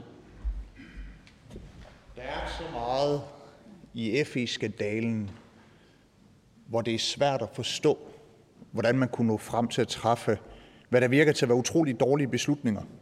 Altså det starter med selve hjemsendelsen af FE-ledelsen tilbage i 2020, som også fremstår som en overilet reaktion, for hele FE-ledelsen blev jo pur frikendt sidenhen. Anklagerne eller mistankerne mod dem var grundløse. Det viser, at det handlede blot om det kabelsamarbejde, som regeringen i forvejen kendte til. Og det førte jo naturligt nok til, at både tidligere øh, departementchef og tidligere statsminister var ude med en hård kritik af regeringen for at have kastet FE ud i en unødvendig krise, og den, der måske var skarpest i sin kritik af statsministeren, det var den tidligere forsvarsminister Claus Hjort Frederiksen, som i sin politiske kritik af regeringen kommer ind på sagens substans, altså kabelsamarbejdet. Og af en eller anden grund får det så regeringen til at beslutte, at det ansvarlige, sunde, gode, proportionelle modsvar til Claus Hjorts politiske kritik, det er at retsforfølge ham for landsskadelig virksomhed. Altså, jeg synes, det er helt uforståeligt, at man kan nå frem til så drastiske konklusioner. Ligesom det er uforståeligt, på hvilket grundlag og hvorfor man i gang satte en total overvågning af Lars Finsen, for blandt andet åbenbart at orientere folketingspolitikere om hans sexliv. Der er mange ting, vi ikke ved, hvorfor er sket. Men det vi ved i dag, efter højstrets kendelser, det er, at de anklager, som man havde mod Claus Hjort og Lars Finsen, ja, de var så tynde, at man ikke engang kunne gennemføre retssagen. Der er ikke meget i det her, den her samlede skandale, der sådan ligefrem emmer af, at der har været god dømmekraft. Og hvis man skal tro på de eksperter, der udtaler sig i medierne, så siger de, at det er helt utænkeligt, at statsministeren ikke enten har været med til at træffe beslutningerne eller har været stærkt involveret i den her sag. Og det er der, jeg tænker, vi skal starte. Om statsministeren kan klart og utvetydigt afvise, at statsministeren på nogen måde har været involveret i de afgørende beslutninger i FE-skandalen. Statsministeren. Ja, ligegyldigt hvad der måtte blive sagt øh, i dag i spørgetimen, øh, så kan man ikke øh, tolke mine ord, hverken som jeg af- eller bekræfter noget. Jeg er generelt meget tilbageholdende med at diskutere efterretningstjenesternes arbejde i Folketingssalen. Øhm, jeg er, ligesom mange andre, underlagt en tavshedspligt, fordi det drejer sig om Danmarks sikkerhed. Den vil jeg opfordre alle til at leve op til. Folketinget har selv besluttet, at der er et udvalg omkring efterretningernes arbejde, kontroludvalget, jeg synes, det er der, diskussionerne hører til, og der er masser af spørgsmål omkring efterretningstjenesterne, som jeg aldrig kommer til at mene, vi skal have i øh, Folketingssalen. Det har jo altid været et ønske fra nogle få partier øh, at gøre det modsat, men det kan jeg ikke øh, på nogen måde bifalde. Der har ikke været nogen usaglige hensyn øh, taget i den konkrete sag. Det har myndighederne meget klart sagt, dem der er ansvarlige, altså rigsadvokat, pet chef Øh, og derfor kan jeg selvfølgelig også afvise, at der skulle være taget nogen form for usaglig hensyn herunder øh, politisk indblanding. Spørgeren. Altså, jeg spurgte ikke ind til efterretningstjenestens arbejde. Jeg spurgte ind til statsministerens arbejde. Beslutningen om, at man skulle retsforfølge en oppositionspolitiker for at have kommet med en politisk kritik af regeringen og herunder omtalt kabelsamarbejdet, som regeringen jo sidenhen i parentes bemærket har lavet et meget effektivt reklamefremstød for ved sin håndtering af, af hele FE-sagen. Og jeg er med på, at regeringen og statsministeren hele tiden øh, henviser til, at der er en kommissionsundersøgelse, der er ikke øh, foretaget nogen usaglige hensyn. Og der må man jo også hæfte sig ved den kritik, der har været fra en række eksperter, senest i Berlingske, som siger, at når regeringen ligger op til en snæver kommission, der alene skal undersøge, om der er foretaget usaglige hensyn, ja, så er det eksperternes vurdering, at det er netop for at beskytte statsministeren og statsministeriet eller regeringen imod det, der er relevant at undersøge, nemlig det samlede sagsforløb. Hvem har besluttet hvad, hvornår, på hvilket grundlag og hvilke retlige fejl er der begået undervejs? Så hvorfor er det, at regeringen og statsministeren ikke lægger op til, at der skal være en fuld kommissionsundersøgelse af hele forløbet, hvis det er, at man har så rent mel i posen? Statsministeren. Landets justitsminister har allerede tilkendegivet over for Folketinget, at øh, justitsministeren ønsker at gå i dialog med Folketingspartier omkring en undersøgelse, og jeg vil foreslå, at man har den dialog i Justitsministeriet. Spørgeren? Ja. Jeg synes jo, det er, det, det, her, det er jo en klassisk øh, situation for, for statsministeren. Så snart der er en penibel sag, jamen, så er det henvist man til justitsministeren eller til, til de forskellige myndigheder. Og skulle øh, sagen gå ind og brænde på på et tidspunkt, så ved vi også, at det er alle andre end statsministeren selv, uanset hvem der har truffet beslutningen, der skal tage ansvar for den. Jeg er ikke betrykket ved, at kommissionen, hvis den skulle finde det relevant, kan, kan, kan spørge statsministeren om noget. Altså, vi kan jo se her i spørgetimen, hvor lidt det nytter at spørge statsministeren.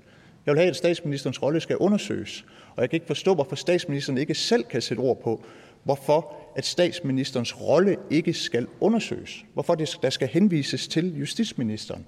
Vi kan selvfølgelig godt gentage det en gang til, men, men øh, jeg mener grundlæggende, at både danskerne og os som folketing med så alvorlig en sag fortjener bedre end en statsminister, der hele tiden beder andre om at skulle svare på sine vegne. Statsministeren. Der bliver lejlighed til at drøfte øh, det her spørgsmål, og det synes jeg selvfølgelig, Folketingets øh, partier skal gå ind i. Og så er jeg så gammeldags, at øh, næsten alt, hvad der vedrører vores efterretningstjenester, synes jeg ikke egner sig til det offentlige rum. Det er jo også derfor, at Folketinget selv for lang tid siden har defineret, at der er et særligt udvalg. Det kunne man jo dengang have lagt her i Folketingssalen. Det gjorde man selvfølgelig ikke. For når det drejer sig om Danmarks sikkerhed, så drejer det sig om Danmarks sikkerhed, og det bør alle respektere. Tak for det, og det afslutter spørgsmålet. Vi siger tak til hr. Alex Vanopslagh fra Liberal Alliance. Jeg byder nu velkommen til hr. Søren Pape Poulsen, det konservative Folkeparti. Værsgo. Tak for det.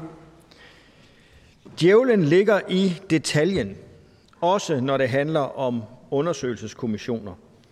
Et enkelt lille ord kan være forskellen på, om en kommission reelt har armene bundet på ryggen, eller den har frie hænder til at komme til bunds. Regeringen siger, og jeg har også hørt statsministeren allerede flere gange i dag har brugt det ord, at kommissionen skal undersøge, om der er, citat, varetaget usaglige hensyn. Ja, det lyder jo i princippet fint.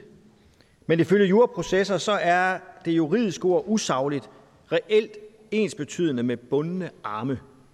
Fordi usaglige hensyn er et juridisk begreb, som er meget indsnævret og meget svært at bevise. Man kunne få den tanke, at regeringen gerne vil have en undersøgelse, så længe den ikke giver et træls resultat for regeringen. Juraprofessor Michael Gøtje foreslår i stedet, at man beder undersøgelseskommissionen om at vurdere, om der er begået fejl. Så nu kan statsministeren jo allerede i dag få muligheden for at tilkendegive, om hun vil være med til at binde de bundne arme op og ændre i kommissoriet, så kommissionen skal undersøge, om der er begået fejl, og ikke blot, om der har været usaglige hensyn. Statsministeren. Ja, der er jo en vis risiko for øh, gentagelse. Øh, justitsministeren har allerede tilkendegivet, at øh, regeringen vil drøfte det her spørgsmål med Folketingets partier, og det antager jeg også, at de konservative går ind i.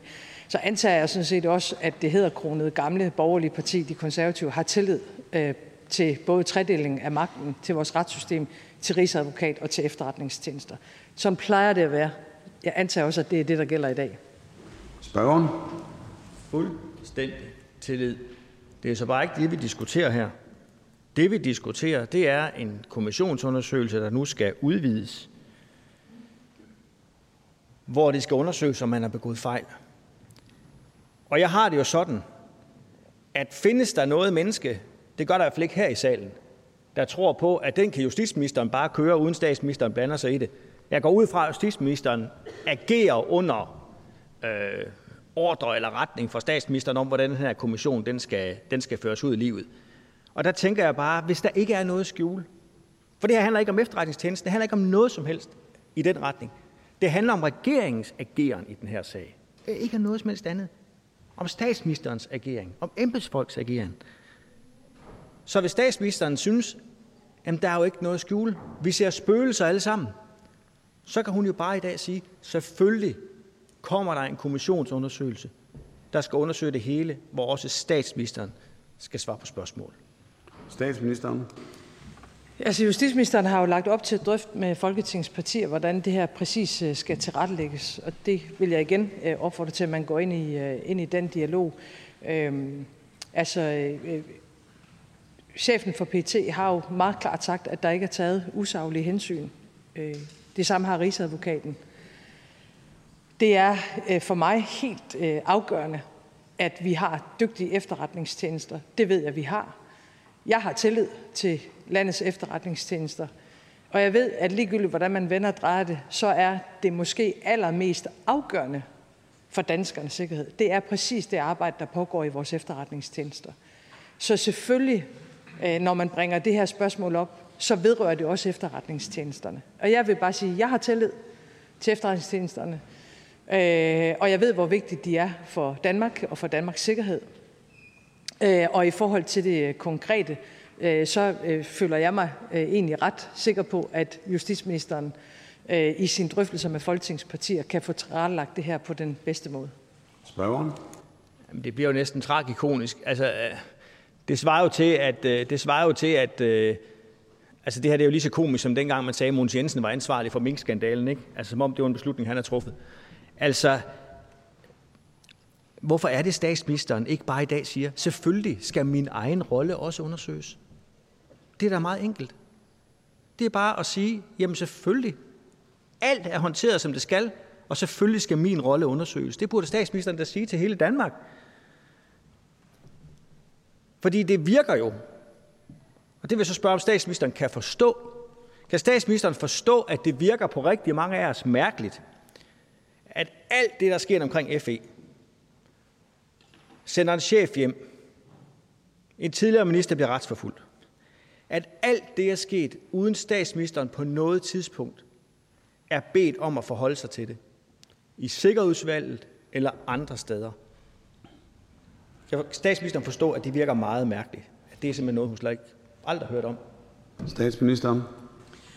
Jeg er generelt tilbageholdende med at diskutere forhold, der vedrører vores efterretningstjenester. Og jeg ved fra dengang hr. Søren Pape Poulsen selv var justitsminister, at det samme gjorde sig gældende, da hr. Søren Pape Poulsen var justitsminister. Øh, Fordi af mange forskellige årsager, så kan efterretningstjenesternes arbejde ikke behandles politisk som alle andre institutioner og aspekter af vores samfund. Det har Folketinget jo selv taget konsekvensen af. Der er jo en grund til, at der er et udvalg i Folketinget, der arbejder på en helt anden måde end alle andre udvalg. Vi har begge to været der. Øh, på, på et helt andet fundament med helt andre spilleregler. Og det er jo fordi, at når vi taler om landets efterretningstjenester, så er vi inde ved kernen af beskyttelsen af Danmark og Danmarks sikkerhed. De spilleregler øh, plejer vi at respektere øh, i fællesskab, og derfor ligegyldigt hvad man må sige eller påstå eller øh, anklage, så er jeg tilbageholdende med at diskutere efterretningstjenesternes arbejde, og det gælder i konkrete som i mere generelle termer. Bare det, det handler om. Tak for det, og det afslutter spørgsmålet. Vi siger tak til hr. Søren Pape Poulsen fra det konservative Folkeparti. Jeg byder nu velkommen til hr. Pelle Dragsted fra Enhedslisten.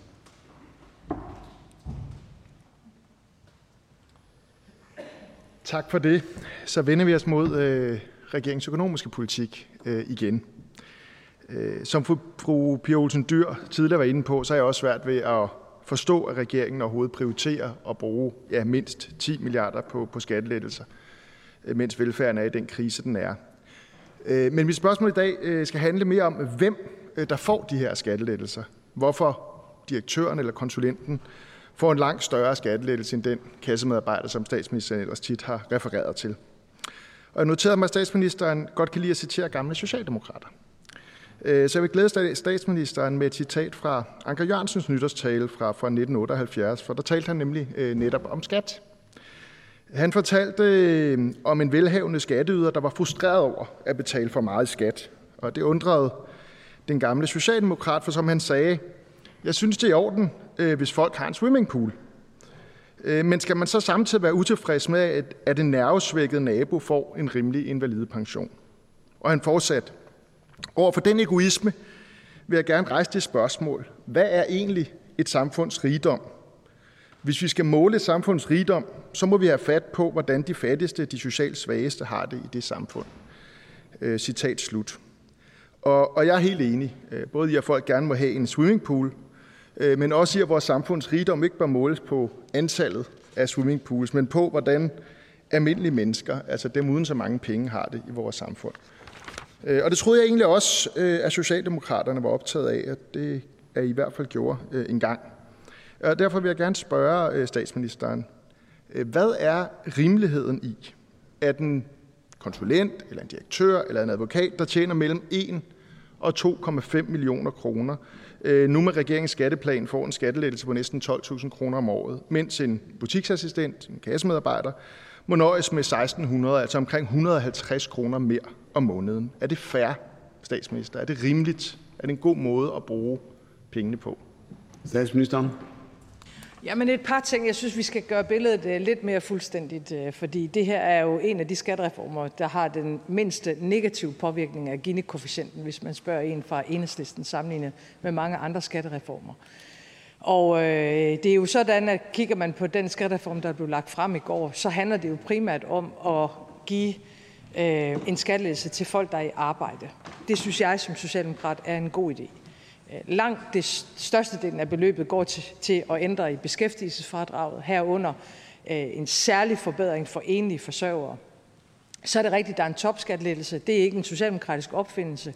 Men i et balancepunkt med øh, gode ændringer på beskæftigelsesfradraget og indførelse af en top-topskat, så kan jeg og vi sagtens stå på mål for det, der er. Jeg tror også, det er vigtigt her at sige, at der er jo en lidt større ideologisk forskel på enhedslisten og Socialdemokratiet. Fordi jeg ønsker, at der skal være forskel på, om man er på overførselsindkomst eller man er i arbejde. Jeg synes, det er vigtigt, at det skal kunne betale sig arbejde. Det har jeg altid ment. Jeg ved, at enhedslisten ikke ser på det med de samme briller, men det er mere for at få fuldstændigheden frem. Og så vil der for mig selvfølgelig være en kæmpe forskel på, om vi skal ud og lave besparelser for at kunne give skattelettelser, eller vi siger, når der er et øget råderum, så har vi både råd til at leve op til 2%-målsætningen, hvad angår vores forsvar, lave den største investering i velfærd i 15 år, samtidig med, at vi laver øh, nogle målrettede skattelettelser, især til folk i arbejde. Det synes jeg, øh, det synes vi, både som socialdemokrater, og det gælder også de to andre regeringspartier, er en god plan. Spørgeren. Ja, nu siger statsministeren, at det er, den skaber mindre ulighed end, end tidligere skattereformer. Jeg vil nok håbe, det var en ambition for Socialdemokraterne ikke at skabe mere ulighed. Vi har en historisk høj ulighed i samfundet. Øh, så igen hører vi det her med, at langt de fleste penge bliver brugt på beskæftigelsesfradraget, altså på almindelige menneskers indkomst. Det er jo rigtigt nok, men det er jo også vildledende, fordi at det bliver godt nok brugt færre penge på dem, der har mest, men de er også en langt mindre gruppe.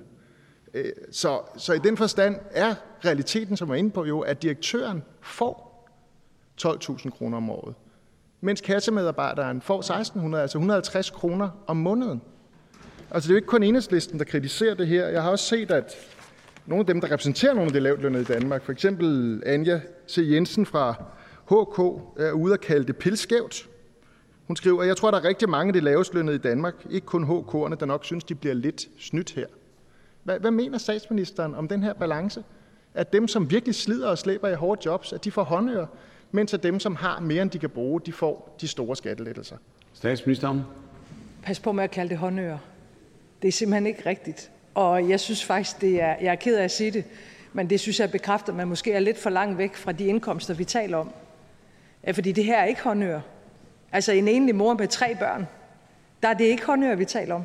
Et øget beskæftigelsesfradrag, målrettet enlig forsørg, det er ikke håndører. Det er tusindvis af kroner. Det kan man godt mærke i den økonomi. Og her er vi måske inde ved noget, hvor, hvor jeg, jeg tror, det er rigtigt, der er lidt forskel på at være for enhedslisten og være socialdemokrat. Øhm, fordi jeg synes, det er vigtigt, at folk går på arbejde. Og jeg har ingen problemer med at give en skattelettelse der. Ingen. Vi har lige haft galopperende inflation. I sidste vinter, der sad folk jo og så på deres gasregninger og deres elregninger og overvejede, har jeg, har jeg råd til det hele? Opsparingerne var væk. Øh, kunne man få økonomien til at hænge sammen? Tror vi, at øh, der er en social- og sundhedsassistent oppe i Nordjylland, der er alene med et par børn, der godt kunne tænke sig at få lidt mere ud den første om måneden? Det tror jeg, der er. Og det, der er det gode, synes jeg, ved vores 2030-plan, det er, at vi både formår at give øh, nogle skattelser, som ja, det kan jeg stå på mål for, er balanceret, når man kigger på det samlede, og som samtidig giver et markant løft i velfærden, samtidig med, at vi sidder og forhandler med arbejdsmarkedsparter et lønløft i den offentlige sektor. Det, det er næsten for godt til at være sandt, at vi kan det hele på en og samme tid, men det kan vi. Spørgeren. Det er, det er lidt pudsigt, den her måde, statsministeren svarer på. Altså, at enhedslisten ikke skulle mene, at der skulle være forskel på arbejde øh, eller, øh, eller, eller gå på overførselsindkomst. Der er forskel. Det var der før, og det er der efter. Eller øh, at vi ikke skulle være optaget af skattelettelser til folk med almindelige indkomster. Min kritik går jo netop på, at regeringen ikke prioriterer skattelettelser dem, de almindelige indkomster. Det er jo det, der er problemet. Jeg synes ikke, 150 kroner om måneden er særlig meget for en kassemedarbejder. Det kan godt være, at statsministeren synes det. Særligt ikke, når man sammenligner det med, hvad en konsulent eller en direktør får, eller for at slet ikke snakke om de arvinger til virksomheder, som regeringen også vil give en særrabat øh, på deres, øh, på deres afskat. Jeg hørte en øh, buschauffør i morges, og det er jo en af dem, som statsministeren selv nævnte i sin kongrestale, buschaufførerne. Det var René Andersen, han sagde, os der er lidt lavt, lavt lønnet, vi burde få lidt mere ud af det her. Fordi dem, der tjener godt, de tjener jo selvfølgelig, som de gør, men de behøver vel ikke at få mere end os andre. Det ville være dejligt, hvis statsministeren kunne svare på det. Hvorfor skal dem i toppen, dem der har mest, have mest, mens buschaufføren han skal nøjes med 150 eller 200 kroner om måneden? Statsministeren.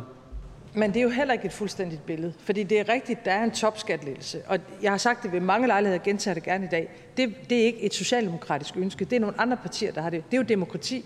Når vi er 12 partier, så skal vi bøje os ind mod hinanden. Til gengæld kommer der jo en top-top-skat. Så det afhænger jo af, hvor mange penge direktøren tjener. Fordi hvis direktøren tjener mere end den direktør, som der bliver henvist til, så kommer vedkommende til at betale mere i skat. Og det er, jo, det er jo det, jeg synes er lidt en genialitet i virkeligheden ved den her øh, skattereform. Det er, at langt de fleste af pengene bliver brugt på beskæftigelsesfradrag. Det er ganske almindelige mennesker, der er i arbejde. Vi gør noget særligt i forhold til enlige forsørgere. Så kommer der en topskat, men der kommer også en top-top-skat. Øh, og jeg er ikke sikker på, at man kan finde et eksempel, i hvert fald ikke i nyere tid, jeg kan huske, hvor det lykkedes et politisk flertal, og vi indbyder jo til forhandlinger, det skal bare være socialt balanceret, det der kommer ind i forhandlingerne, at det lykkes at, at lave noget, der er så fuldendt. Jeg tror i hvert fald hurtigt, både spørger og svarer kan være enige om, at det var ikke det, der gjorde sig gældende, da vi diskuterede skat for alvor sidst, nemlig tilbage i 2012, tror jeg det var. Tak for det, og det afslutter spørgsmålet. Vi siger tak til hr. Pelle Dragsted fra Enhedslisten. Jeg byder nu velkommen til hr. Martin Lidegaard, Det Radikale Venstre. Tak for det. Og det er jo sandt, at der er utrolig mange ting, man kunne gribe fat i her. Øh, jeg vil nøjes med to øh, i dag.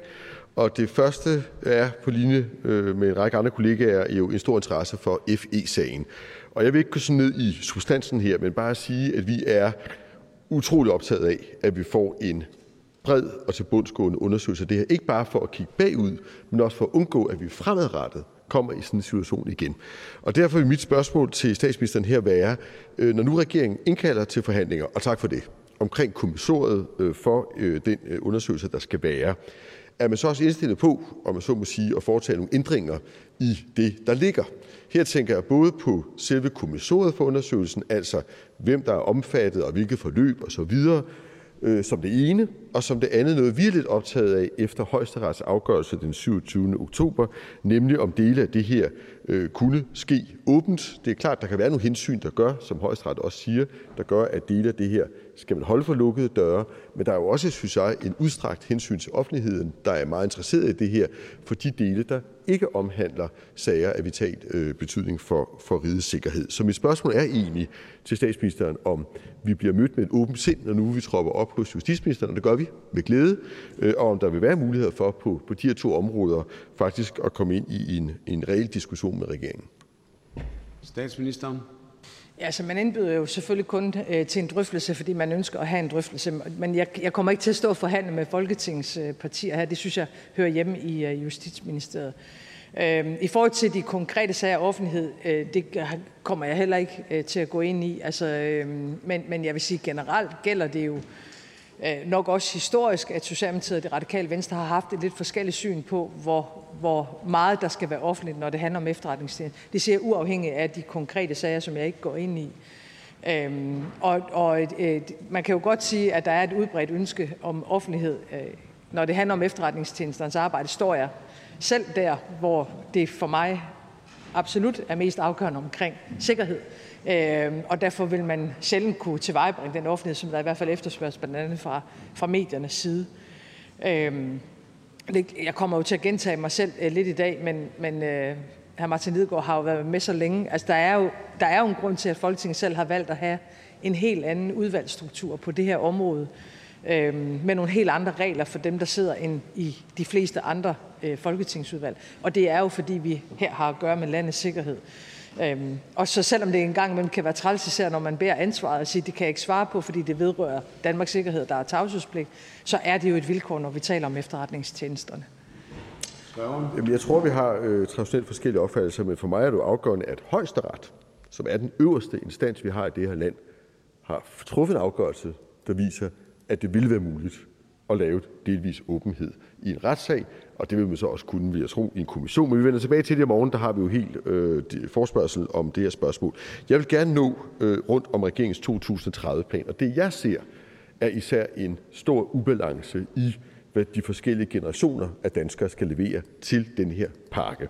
Fordi ret og pligt, som jeg ved ligger statsministeren på hjertet, det gælder åbenbart øh, for dem, der er på kontanthjælp, for de børnefamilier, regeringen gerne vil have, ikke skal være på deltid længere, for de unge, der skal presses hurtigere igennem uddannelsessystemet. Men de ressourcestærke ældre, de bliver ikke bedt om at levere en krone eller en time mere i arbejdsudbud. På trods af, at hvis vi spørger de folk, der for eksempel går på efterløn i dag selv, så er det kun 12 procent, der siger, at de er nedslidte. Resten kunne sådan set måske godt, mange af dem vil ovenikøbet gerne levere mere. Statsministeren. Jamen, jeg, jeg, jeg, jeg, jeg tror simpelthen, vi ser tingene øh, meget, meget forskelligt på det her område, fordi det, at vi nu får indført en arbejdspligt på kontanthjælpsområdet, det er jo ikke, det er jo ikke for at skade de mennesker. Det er da fordi, at de, og det er jo primært kvinder med ikke-vestlig baggrund, de skal da bidrage, ligesom alle andre skal. Det er jo en gave at få lov til at bidrage til Danmark. Jeg, jeg forstår ikke, at det skal i tale sættes som noget negativt. Du kommer hertil udefra. Vi har hjulpet dig og din familie. Nu siger vi så endelig, at vi burde have gjort det her for årtier tilbage, at hvis ikke du selv kan finde et arbejde og forsørge dig selv, så skal du arbejde 37 timer øh, for din ydelse. Det er da en landvinding for ligestilling og for integrationen. Og jeg køber simpelthen grundlæggende ikke, at det er negativt, at man skal arbejde, når man er i Danmark. Jeg, det, er jo, det er jo noget af det bedste, der findes, det er at gå på arbejde og bidrage. Så det køber jeg grundlæggende ikke. Omkring efterløn, så er der jo stadig færre på efterløn. Altså det er jo blevet en meget, meget øh, lille ordning. Øhm, og øh, derfor er øh, vi i regeringen mere optaget af at sikre, at der er gode ordninger for at trække sig tilbage, hvis man er nedslidt. Så kommer vi jo til at have en trepartsforhandling med arbejdsmarkedets parter for at se, hvordan vi skaber et bedre seniorarbejdsliv. For jeg tror faktisk, børn har ret i, at en del af dem, der nærmer sig pensionsalderen, gerne vil blive ved med at arbejde, især hvis vi måske kan lægge noget mere fleksibilitet ind i arbejdslivet.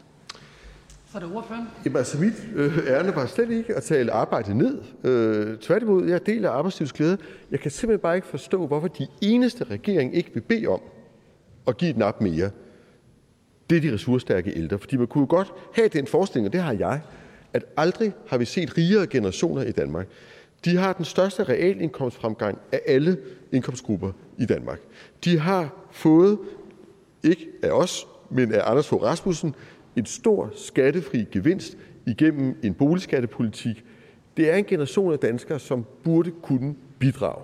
Også mere end de børnefamilier, som har svært ved at få det til at hænge sammen. Også mere end de unge, der forvejen er presset. Og det er så de eneste, som regeringen ikke vil bede om at bidrage. Og når man så kigger på, hvad man bruger pengene til, så er det i meget høj grad også det demografiske træk, sundhed, som kommer plus 65 år til, til, til gavn.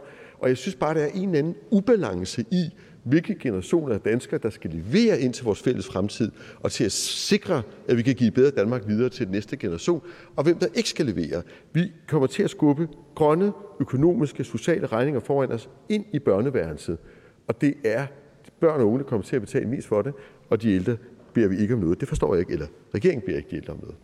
Og så er det statsministeren. Det, det lyder som om, vi er tilbage i universitetsreformen, og den ser vi jo også forskelligt på. Øh, fordi vi har lavet en universitetsreform, hvor der er nogle, nogle uddannelser, der bliver kortere, men til gengæld med en bedre kvalitet og med gode muligheder for, at man så senere i arbejdslivet kan gå tilbage. Det tror jeg personligt er en mere moderne indretning af det fremtidige universitetssystem, end det vi har i dag, som i virkeligheden er lidt gammeldags øh, på nogle områder.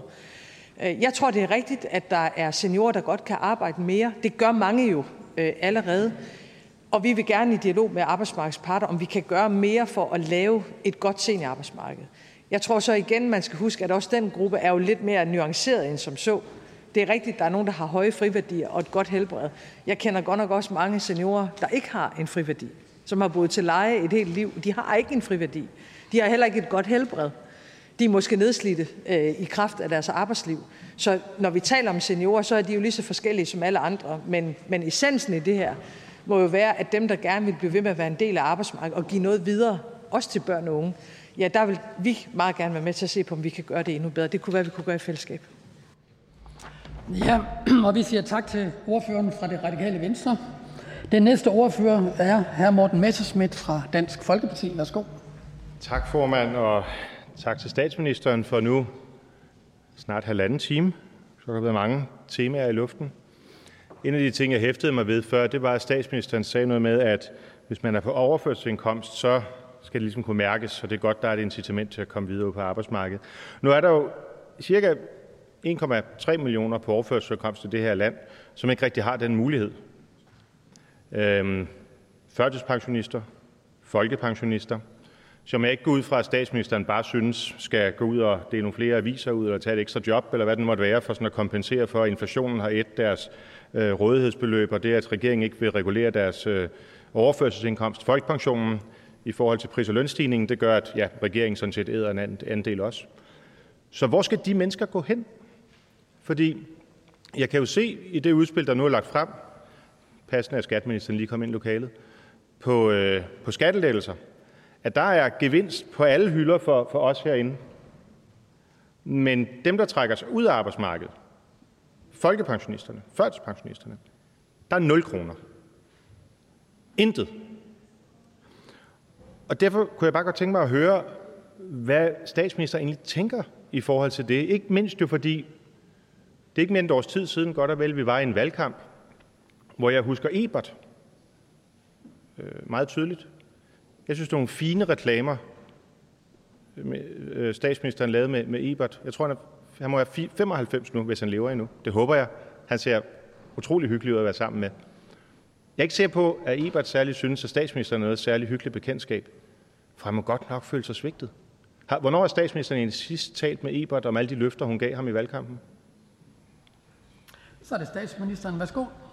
For ganske nylig, og der var han i, i, ved godt helbred. Jeg har lige besøgt Ebert for kort tid siden øh, på plejehjemmet. Øh, så den dialog den er, den er fortsat. Det var nok ikke det svar, man håbede på fra hr. Morten Messersmiths side, men øhm, det er ikke så lang tid siden, jeg besøgte Ebert på plejehjem, og øvrigt de medarbejdere, der er omkring øh, Ebert. Øhm, og jeg er meget, meget glad for, at vi både lever op til det, vi sagde før valget, hvad angår et lønløft øh, i den offentlige sektor, hvor vi har sagt fra regeringens side, at det blandt andet gælder på social- og sundhedsområdet. Jeg er glad for, at vi nu har lagt en 2030-plan frem, der giver muligheden for både at leve op til det demografiske træk, som er vigtigt for alle ældre, men også for yderligere velfærdsinvesteringer. Så er der en skattereform, der er lagt frem, som handler om folk, der er i arbejde. Det er Ebert ikke længere. Han har arbejdet i ganske, ganske mange år. Til gengæld vil regeringen om kort tid foreslå at hæve ældrechecken. Øhm, og det er jo fordi, vi også er optaget af, at landets pensionister har en ordentlig økonomi, bedre økonomi. Så jeg er glad for, at inflationen bliver nævnt, og med det håber jeg så også, at der har været opbakning til den førte politik. Fordi det, at vi nu har fået inflationen så langt ned, det er jo en af de vigtigste konkrete håndsrækninger, også til landets folkepensionister. For hvis der var nogen, der blev ramt af den høje inflation, så var det lige præcis især de folkepensionister, der måske kun har en folkepension eller en lille ATP. Så er det ordføreren for anden runde. Værsgo. Man vil hæve ældrechecken om lidt, forstår jeg. Nu, og jeg er glad for at høre, at Ebert har det godt. Men man kan sige, det er jo ikke sikkert, at Ebert har mange år at vente i. Eller mange andre ældre for den sags skyld. Og nu har man i rigtig mange år oplevet, hvordan folkepensionisterne er blevet ekstremt dårligt behandlet. Jeg vil sige, jeg kan ikke komme på et eneste år, hvor fru Mette Frederik, undskyld, hvor statsministeren har været statsminister, at man har prioriteret de ældre. Der har været masser af år, hvor det har været børnenes tur, det har været udlændingenes tur, det har været alle mulige tur, men jeg har ingen erindring om, at det nogensinde under den nuværende statsminister har været de ældres tur. Og det er jo det, vi kan se igen i det, der bliver lagt frem her. En skattereform med 10 milliarder til folk i de arbejdende grupper, ja. En finanslov, hvor man bare æder alle de nedskæringer, der sker ude kommunalt. Man fjerner endda den øremærkede milliard til de ældre. Sådan et arbejdsmarkedsudspil, hvor det eneste, man har til de nedslidte, det er, at man så dropper en forringelse. Men den anden forringelse, man er løbet fra, nemlig for det seniorpensionen, den gennemfører man. Der er jo ikke et eneste område, hvor den her regering og de to regeringer, vi har haft under den nuværende statsminister, ikke har været et langt svigt af vores pensionister. Så er det statsministeren. Det er heldigvis ikke rigtigt, og det kommer ikke til at blive rigtigt på noget tidspunkt. Undervejs i øh, inflationen har vi valgt at hæve ældrechecken skattefrit. Øh, og jeg synes, det er en lidt kedelig tendens her i Folketingssalen, at når vi hæver øh, skattefrit en ældrecheck på grund af inflation, så får man det til at lyde som om, at det ikke har haft en betydning. Men det er jo ikke rigtigt. Jeg har da mødt masser af pensionister, der har kunne bruge den forhøjede ældrecheck, fordi inflationen åd deres pension op. Så det er jo ikke rigtigt. Når vi nu gennemfører et lønløft i den offentlige sektor kombineret med skattelettelser til folk, der er i arbejde, så er det jo for at sikre, at der er medarbejdere nok i vores ældrepleje. Fordi ligegyldigt hvilke fremskrivninger jeg kigger på, så er et af de steder, hvor vi er aller, allermest bekymret for at mangle arbejdskraft i fremtiden, det er på ældreområdet. Og ligegyldigt om vi taler om Ebert eller alle andre, der har behov for en ordentlig ældrepleje, så står det falder jo med, om der er folk, der møder ind på arbejde. Nattevagten, dagvagten, øh, om der er nogen til at give medicin, om der er nogen til at lægge en arm omkring skulderen. Så det er ikke rigtigt, det der bliver sagt. Jeg er ked af, at øh, man i nogle kommuner oplever ikke at kunne tilvejebringe den ældrepleje, som vi gerne vil. Øh, det skal vi have gjort noget ved, øh, og derfor er der jo også lagt op til, at der kan foretages investeringer i velfærden i de kommende år. Men det, der blev sagt før, det er heldigvis ikke rigtigt. Så er det ordføreren for sidste runde. Værsgo. Nej, nej, det skal vi ikke bare have gjort noget ved. Det skulle I have gjort noget ved. Den kommuneaftale, som er fundamentet for de drakoniske nedskæringer, der sker jo også i socialdemokratiske kommuner. Jeg får også henvendelser fra borgmestre og byrådsmedlemmer rundt omkring fra statsministerens parti, der er dybt bedrøvet. Den kommuneaftale, det er jo statsministerens kommuneaftale. Det er ikke bare et spørgsmål om, hvad man vil gøre, fordi det henstår noget af det uvisse. Det er et spørgsmål om, hvad man ikke har gjort. Og når man så fremlægger en skatteplan, hvor man nu bruger 10 milliarder, hvor jeg har til gode at se, hvad effekten i arbejdsudbud for de grupper, statsministeren taler om, socioassistenter, sociohjælpere osv., hvad den er. Jeg kan godt se, hvad effekten er for dem, der betaler topskat og ja, derover. Det er fint. De er på den grønne gren. Igen, så kender man der Socialdemokratiet, djøffernes venner osv. Men dem, der skal hjælpe de ældre, og håndsretning til de ældre, det er fuldstændig udeblevet. Jeg synes faktisk, at statsministeren skylder Ebert, eller det kan godt være, at han er øh, fuldblodsmedlem af partiet, så han er måske ligeglad med, hvordan det egentlig kører. Jeg synes godt nok, at statsministeren skylder de ældre folkepensionisterne her i landet en undskyldning. Så er det statsministeren. Ja, man kunne starte med at tale respektfuldt om alle ældre. Øh, og jeg kender ikke til nogen øh, partitilhørsfolk, men jeg synes, man skal tale ordentligt øh, om vores ældre. Det vil jeg også opfordre Dansk Folkepartis formand til at gøre. Jeg synes, det var en mærkelig måde at tale om en navngiven person, der sidder på et plejehjem i Danmark. Jeg har respekt for alle vores ældre. Jeg er ikke enig i den måde, det fremstilles på her i forhold til dem, der går på arbejde på ældreområdet, fordi jeg tror, at kombinationen af, at vi nu hæver beskæftigelsesfradrag, og gøre noget målrettet i forhold til enlige forsørgere. Øh, jeg kender en del social- og sundhedsassistenter, både assistenter og hjælpere. Der er nogen, der er i parforhold og i ægteskab, men der kender også en del, der er enlige. Så når vi vælger at gøre noget målrettet positivt i forhold til enlige forsørgere, kombineret med, at vi også laver et lønløft i den offentlige sektor, som jeg ikke kender udfaldet af endnu, men hvor vi fra regeringens side har sagt, at det blandt andet er på ældreområdet, vi ønsker, at pengene skal prioriteres, så vil det da være en direkte håndtrækning til nogle af dem, der, vil jeg gerne sige for mit vedkommende, har det vigtigste arbejde i vores land, nemlig dem, der passer på vores syge og vores gamle. Øhm, så jeg er uenig i øh, fremstillingen, og den er heldigvis heller ikke faktuelt korrekt. Ja, og det var ordene fra statsministeren. Vi går videre i ordførerrækken, og den næste det er fru Franziska Rosenkilde fra Alternativet. Værsgo. Tak for det. Den 10. oktober der udtalte statsministeren til en TV2-journalist, at de voldshandlinger, den israelske militær begår lige nu i Palæstina, er et legitimt forsvar af Israel på grund af Hamas' terrorhandling den 7. oktober. Siden er der gået en måned. Ifølge FN er omkring 10.000 palæstinenser blevet dræbt. Flere end 3.900 af dem er børn. Hospitaler, meget tæt befolkede områder og ambulancer er blevet ramt. Der er blevet lukket for nødhjælp, og konflikten breder sig. Mener den danske statsminister stadigvæk her en måned efter Hamas' angreb på Israel, at de grusomme krigshandlinger fra den israelske tær stadig skal betragtes som et forsvar? Så er det statsministeren. Værsgo. Ja, for det første vil jeg gerne sige, at den humanitære situation i Gaza er katastrofal. Øh, og jeg berøres dybt af de mange civile ofre. Selvfølgelig især alle de børn, som enten er døde øh, i det her, eller som er blevet lemlæstet eller såret øh, som følge af, af den situation, der er. Det gør ondt på os alle sammen. Jeg mangler i spørgsmålet en fordømmelse af Hamas og, og terrorangrebet. Øh, det håber jeg, der kan komme nu i, øh, i opfølgningen. Israel har ret til at forsvare sig selv. Jeg mener også, at Israel har en forpligtelse til at forsvare sin egen befolkning imod øh, Hamas. Men det er klart, at det skal ske inden for international lov her under den humanitære lov. Øhm, og det er Israels forpligtelse at leve op til det, og det er det budskab, vi har sendt fra Danmarks side, øh, og det er jo det budskab, som også kommer blandt andet fra EU. Og så er det overføren for anden runde. Værsgo. Tak. Men nu er der som sagt gået en måned, og spørgsmålet gik på, om statsministeren stadig mener, at de grusomme krigshandlinger, der foregår lige nu i Gaza, som jeg kan forstå, har statsministerens opmærksomhed også og medfølelse, at det stadig kan øh, betegnes som forsvar.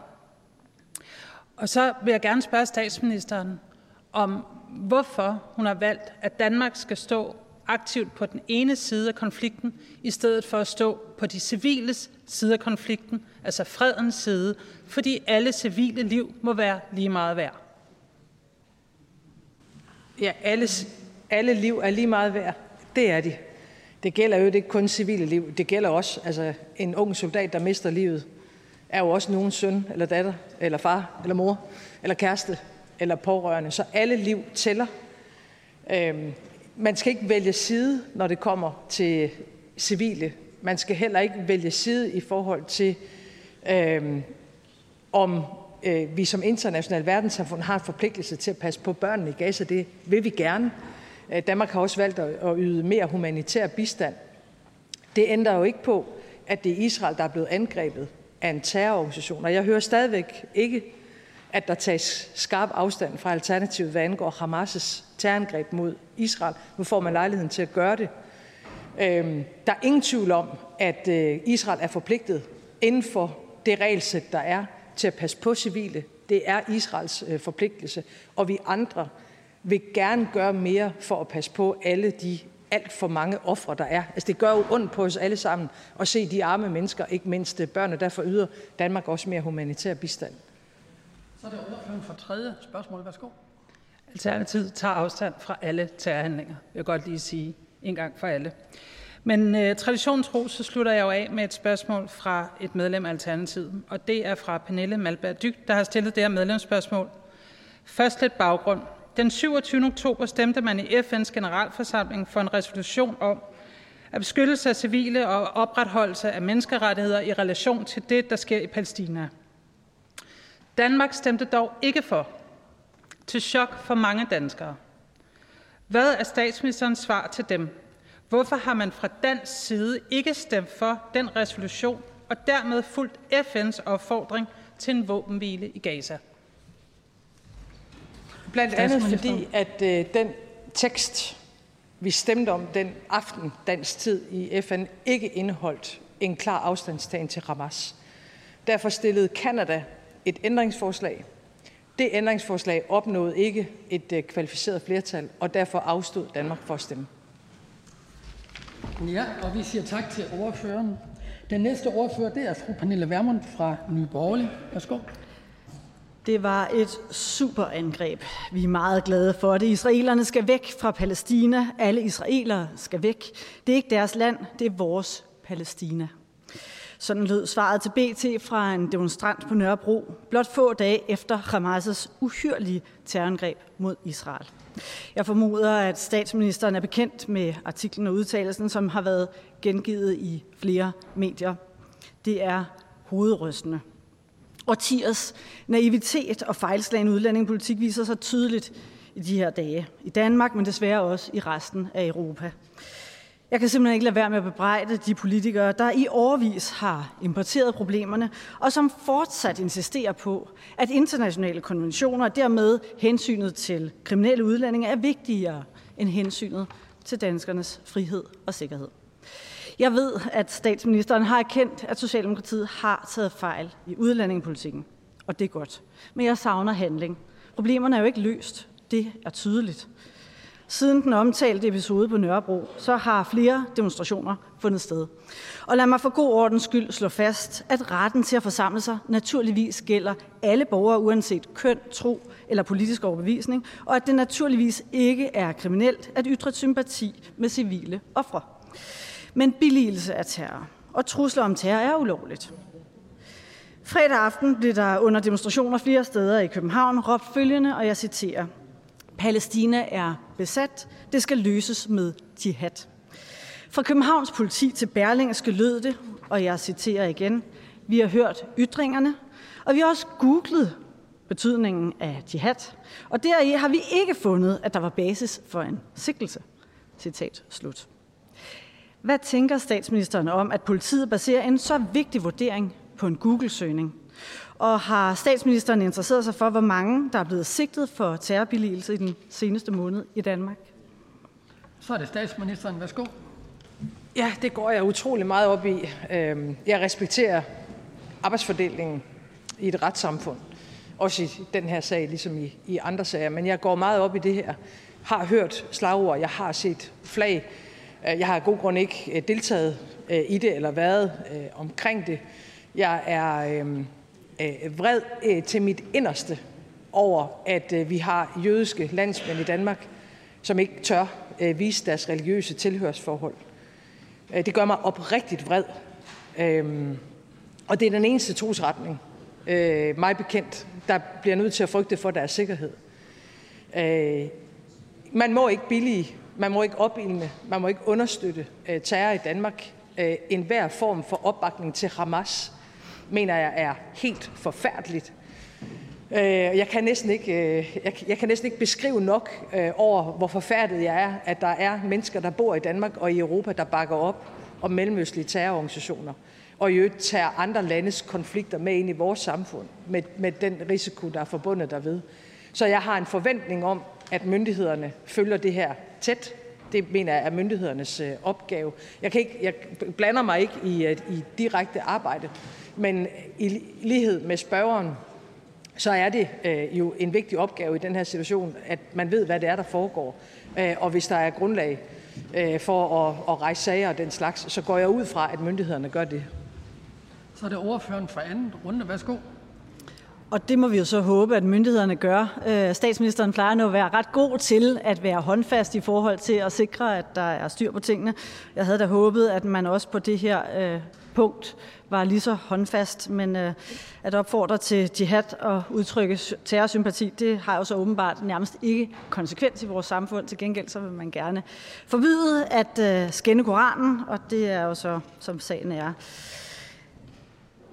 Lad mig spørge om noget helt andet. Lige nu så øh, planlægger et flertal herinde et testcenter for kæmpe vindmøller ved Vadehavet.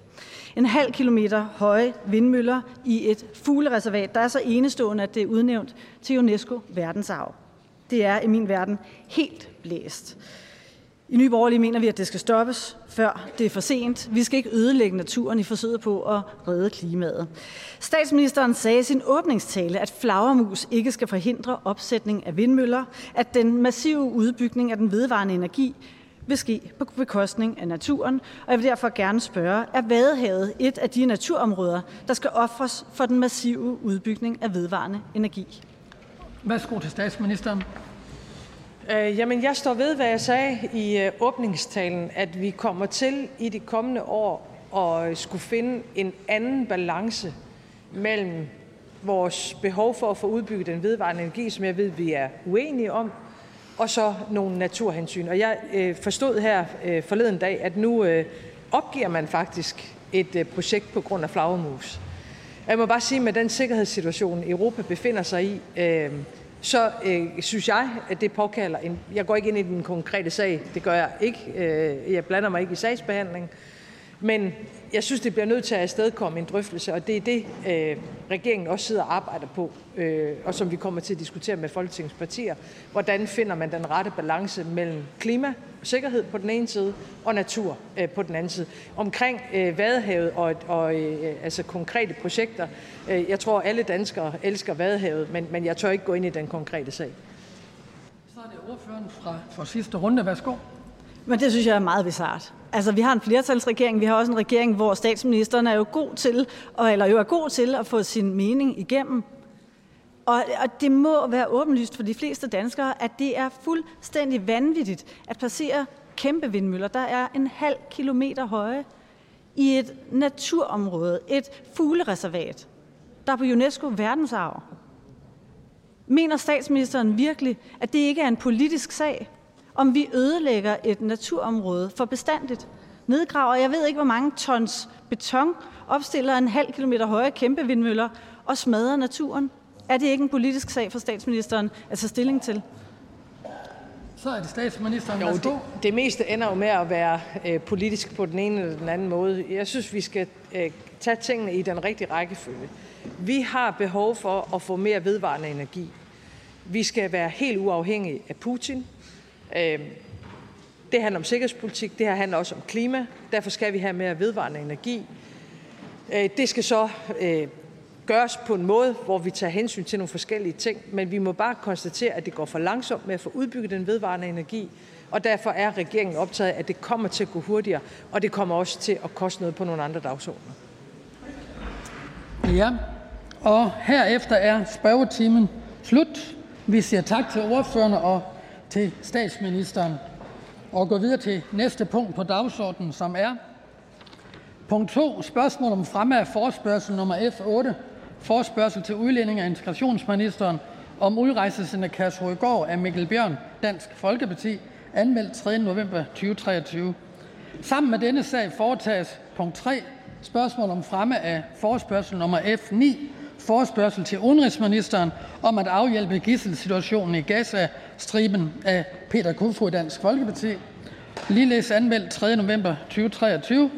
Og punkt 4 er spørgsmål om fremme af forspørgsel nummer F10, forspørgsel til statsministeren om konsekvenser for Danmarks relation til andre landes efterretningstjenester i relation til den kommende undersøgelse af FE-sagen. Det er en hasteforspørgsel. Hvis ingen gør indsigelse mod fremme af disse forspørgsler, betragter jeg Tingets samtykke som givet. Det er givet. Det næste punkt på dagsordenen er punkt nummer 5. Spørgsmål om meddelelse af overlov og indkaldelse af stedfortræder for medlem af Folketinget, hr. Peter Velbelund, Enhedslisten. Peter Velbelund har søgt om overlov fra den 7. november 2023, jævnfør forretningsordens paragraf 41, styk 3, litra A. Hvis ingen gør indsigelse, vil jeg betragte det som vedtaget, at der meddeles overlov som ansøgt, og at stedfortræderen indkaldes som, tidig, som midlertidig medlem. Det er vedtaget. Det næste punkt på dagsordenen er punkt nummer 6. Indstilling til fra valgsprøvelse. Fra udvalg til valgsprøvelse har jeg modtaget indstilling om, at første stedfortræder fra Socialdemokratiet i Københavns Omegns Storkreds, Gunvor Vibro, godkendes som ordinært medlem af Folketinget fra og med den 2. november 2023, da hr. Kasper Sand Kær nedlagde sit mandat per 1. november 2023. Jeg har endvidere modtaget indstilling om, at tredje stedfortræder for Enhedslisten i Nordjyllands Storkreds, på Ruta Runa Friis Hansen, godkendes som midlertidigt medlem af Folketinget fra og med den 7. november i anledning af, at hr. Peter Velbedund har overlov. Det bemærkes, at første og anden stedfortræder ikke ønsker at indtræde under denne overlov. Er der nogen, der ønsker ordet? Da det ikke er tilfældet, går vi til afstemning, og der stemmes om udvalgets indstilling, og afstemningen starter nu.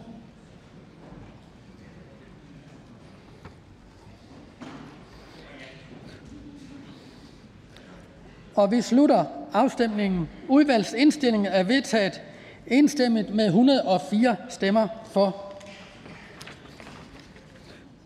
Og vi går således videre til næste punkt på dagsordenen, som er punkt nummer 7. Det er anden og sidste behandling af beslutningsforslag B 21. Forslag til folketingsbeslutning om Danmarks tilslutning på mellemstatslig grundlag til Europaparlamentets og rådets direktiv 2023 på 177 af 10. maj 2023 om udveksling af oplysninger mellem medlemsstaternes retshåndhævende myndigheder og om ophævelse af rådets rammeafgørelse 960 RIA. Og det er af justitsministeren Peter Hummelgaard, fremsat 24. oktober i år, og der har været første behandling den 27. oktober. Der er ikke stillet ændringsforslag. Er der nogen, der ønsker at udtale sig? Og det er ikke til at være tilfældet, og derfor går vi til afstemning. Der stemmes om forslagets endelige vedtagelse, og afstemningen starter.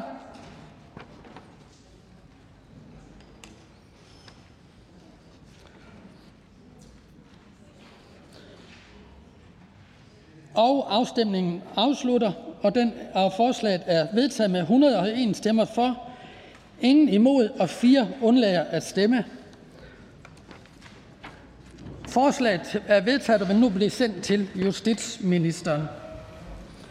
Det sidste punkt på dagsordenen her i Folketinget i dag er punkt nummer 8, og det er en første behandling af lovforslag nummer L 51. Forslag til lov om ændring af selskabsloven, lov om skifte af dødsboer, værgemålsloven, retsplejeloven og forskellige andre love. Og det er af justitsminister Peter Hummelgaard. Forhandlingen er åbnet, og jeg må bede om ro i salen.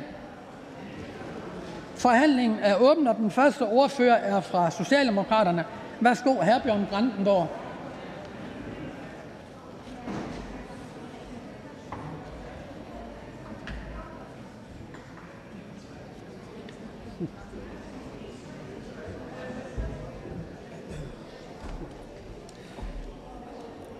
Tak for det, øh, formand.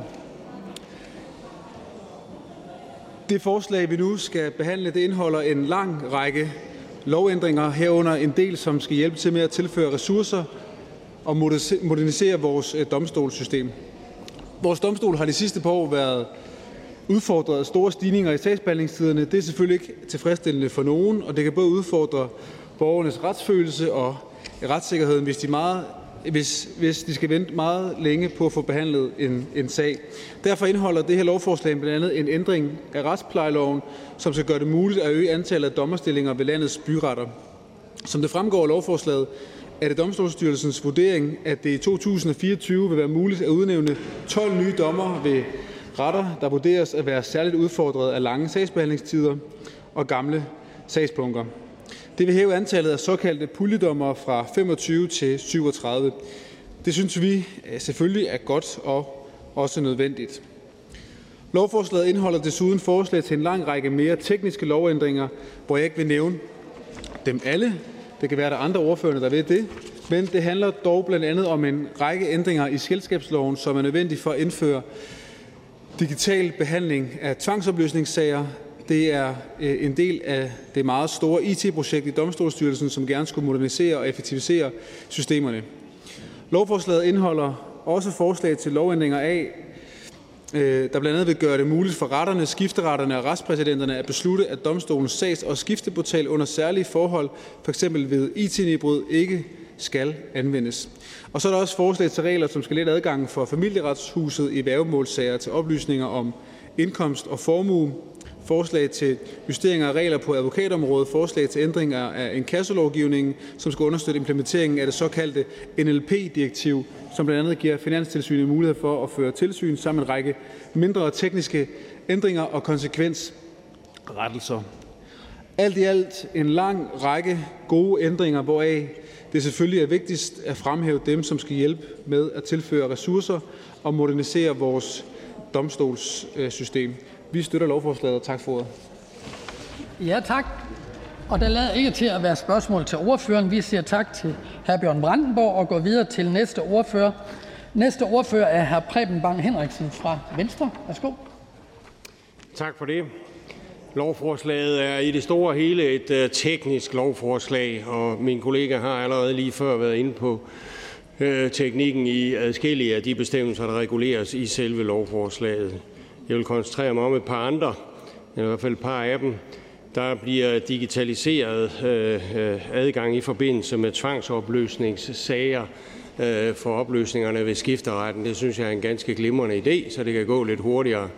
Jeg kunne godt ønske, at man også, hvis man, når man nu er i gang med at tage fat i det selskabsretlige område, så også fik indført en bestemmelse, der gjorde, at selskabet selv eller stifteren af selskabet kom til at betale for selskabets øh, opløsning. Det duer ikke, at man bare afmelder revisor og direktører, og så er det pludselig, pludselig statens opgave at komme ud af at få sådan et selskab opløst. Men for så vidt angår det, der står her, selvfølgelig kan vi støtte en digitaliseret proces i forbindelse med tvangsopløsninger. Også familieretshuset og værgemålssager får øh, ændring i det, man her nu kan trække oplysningerne om indkomst og formue øh, fra, fra de Skattestyrelsens øh, systemer. Det er jo, er jo også ganske glimrende. Jeg vil håbe, at det blandt andet kan medføre, at familieretshuset kommer til at fungere bedre. Det skal ikke være nogen hemmelighed, at en meget, meget, meget stor del af de mails, der i hvert fald fylder i min indbakke, ja, det er folk, der klager over familieretshusets behandling og processen, øh, men øh, det er man jo så heldigvis ved at regulere også i anden lovgivning. Øh, Kreditaftaleloven ændres med det her. Man implementerer et europæisk direktiv, NPL-direktivet, og så vidt jeg har forstået, så er det, så er det sådan noget, man har fundet ud af øh, længere sydpå, der, hvorefter der nu skal etableres, altså kreditgiver, eksempelvis en kreditforening, skal etablere generelle politikker og, øh, for, hvordan øh, man kan udvise tilbageholdenhed over for de folk, der nu har misligholdt deres lån. Øh, det skal, de skal behandles lempeligere der er ikke tale om nogen pligt for kreditgiver til at, at, at følge det, det her, men man skal altså have en politik på området. Altså jeg må bare sige, at min erfaring er, at de långivere, der oplever, at deres debitorer misligeholder deres lån, de har der kun én ting i hovedet, det er det, øh, og, og, og se om ikke det kan afværges ved en afdragsordning eller en forlængelse eller ja, hvad ved jeg. Øh, der iværksættes der selvfølgelig store bestræbelser på at undgå, at vi ryger direkte i fodretten. Men nu skal man altså også øh, formalisere disse bestræbelser, og det bliver et øh, papir, der kommer til at stå på hylden, og det er der som aldrig nogensinde nogen, der kommer til at læse, så dermed er jo heller ingen skade ved det. Men da det er noget, der er nødvendigt, at vi indfører på grund af et direktiv fra, fra EU, ja, så skal, kan vi selvfølgelig øh, støtte det. Vigtigst af alt det her øh, i forslaget, det er, at der nu øh, at vi tager fat på at reparere på domstolenes øh, ventetid. Der øh, øh, udnævnes 12 nye dommere. Det er en god begyndelse. Vi mangler kun en, en 40-50 stykker, så, for at vi er oppe på det niveau, hvor jeg i hvert fald anslår, at vi begynder at få velfungerende domstole rent ventetidsmæssigt. De dommer, der nu udnævnes, ja, de går til udfordrede retter. Og det er på sin vis også meget naturligt, men det var måske også naturligt lige at undersøge, hvorfor retterne var udfordret. Øh, det er jo ikke altid, det bare lige hjælper at hælde noget mere personale på, øh, hvis øh, årsagen skal findes i helt andre ting. Men må ikke man gør det fra, fra styrelsen og ministeriets side. Med i forslaget er også et meget vigtigt punkt, som Venstre gang på gang har har fastslået i, eller ikke fastslået, men foreslået i de igangværende forhandlinger omkring øh, domstolene, og det er, at afgangsalderen for, for øh, tilkaldedommere den øh, ændres fra 72 til 74 år. Det øh, øh, vil øh, betyde, at øh, mange tilkaldedommere, eller i hvert fald nogle flere tilkaldedommere, kan aktiveres, og vi har brug for alle de dommere, der overhovedet kan drives op af jorden, øh, for hvis vi skal de her bunker og det her problem inden for retsplejen til livs. Så også på det her område omkring en udvidelse af aldersgrænsen er vi meget positive. Så Venstre kan i enhver henseende stemme for forslaget. Ja, tak. Og der er et enkelt spørgsmål til ordføreren, og det er her Peter Kofod, Dansk Folkeparti. Værsgo. Tak for det, formand, og tak øh, ordfører for talen, som jo ramte meget rigtigt men hvad er det egentlig, vi skyder efter her? Fordi når man læser lovforslaget igennem, så vil man jo se, at det er jo en, ja, enten en perlerække eller en grædemur, alt efter hvordan man ser det, af forskellige initiativer. Og jeg er død træt af, at man bliver ved med at lave de her puljeforslag, hvor man bare smider alt muligt ned i en kasse, og så kan ordførerne så stå, vi kan stå deroppe og forholde os til det. Vi kommer også til, kan jeg sige, at grave i det i, i retsudvalget, øh, alt det, der ligger her. Jeg synes ikke, det er tilfredsstillende. Jeg synes ikke, det sikrer ordentlig lovkvalitet, at man bare puljer det op. Og jeg ved ikke, hvorfor man gør det. Om der er nogle måltal over i, øh, i Justitsministeriet eller andre ministerier for, at man skal holde sig inden for et bestemt niveau. Jeg synes ikke, man kan være det bekendt over for Folketinget. Og jeg vil høre, for jeg mindes og erindrer, at Venstre også har haft nogle ret principielle holdninger om det her tidligere, om ordføreren ikke er enig med mig i, at man godt kunne gøre sig lidt umage for at pulje noget mindre, så man kunne gå mere i dybden med det i ordførertaler eller i udvalgsarbejde øh, eller andre steder. Tak. Så er det ordføreren. Værsgo. Ja, jeg forstår udmærket godt øh, frustrationen hos hr. hr. Kofod, og jeg tror, vi skal lade justitsministeren svare for sig, øh, hvorfor det er, er lavet på den her måde. Umiddelbart vil jeg tro, at hvis vi gjorde, som hr. Kofod sagde, så ville det her ikke være et forslag, der skulle behandles. Så ville det være et forslag om ændring af selskabsloven, et forslag om ændring af dødsboskifteloven, et forslag om ændring af værgemålsloven, et forslag om ændring af retsplejeloven og et forslag om ændring af kreditaftaleloven, øh, og så et forslag om ændring af forældelsesloven og et forslag om ændring af konkursloven. Øh, det ville være hvad skal vi sige, mere tilgængeligt også for en debat, det må jeg give hr. Kofod ret i, men på den anden side set, når det er så små ting, vi taler om her, så kan jeg bedre acceptere en øh, puljen øh, som det, man gør her. Men jeg skal medgive hr. Kofod, at hvis det havde været lidt tungere ting, så var vi helt enige. Og jeg skal spørge spørgeren, om der ønskes anden runde. Det gør der ikke. Vi siger tak til ordføreren for Venstre og går videre i rækken af ordfører. Den næste ordfører er fra Moderaterne. Hr. Tobias Grotkær Elmstrøm. Værsgo. Tak for det, formand, og tak for ordet. Lovforslaget, som vi behandler her i dag, af mere teknisk karakter. Det omhandler en række ting i selskabslov. Det omhandler blandt andet, at al skriftlig kommunikation i tvangsopløsningssager fremover skal ske digitalt på domstolenes skifteportal. Det vil forhåbentlig være med til at sikre en effektiv behandling for alle dem, der er i kontakt med retsvæsenet. Derudover så indeholder lovforslaget også et forslag til ændringer af en række bestemmelser i værgemålsloven, som skal lette adgang for familieretshuset i værgemålssager til de oplysninger, som er relevante.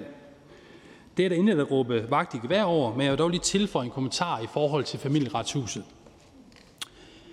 Der skal klart være en meget bedre organisering i familieretshuset, end der er i dag. Familieretshuset fungerer ikke øh, optimalt. Det kan ikke være rimeligt med de lange sagsbehandlingstider, det er, når det er sådan, det vedrører skilsmisse, med børn, som har brug for en normal hverdag. Det kan vi simpelthen ikke være bekendt. For at vende tilbage til lovforslaget, jamen så omhandler det også en justering af retsplejelovens bestemmelse om antallet af de såkaldte puljedommerstillinger ved byretterne. Vi gør det simpelthen muligt at ansætte yderligere 12 byretsdommere, og der er ingen tvivl om, at domstolene higer efter byretsdommere, som også min, min kollega her Preben Bang Henriksen fortalte omkring.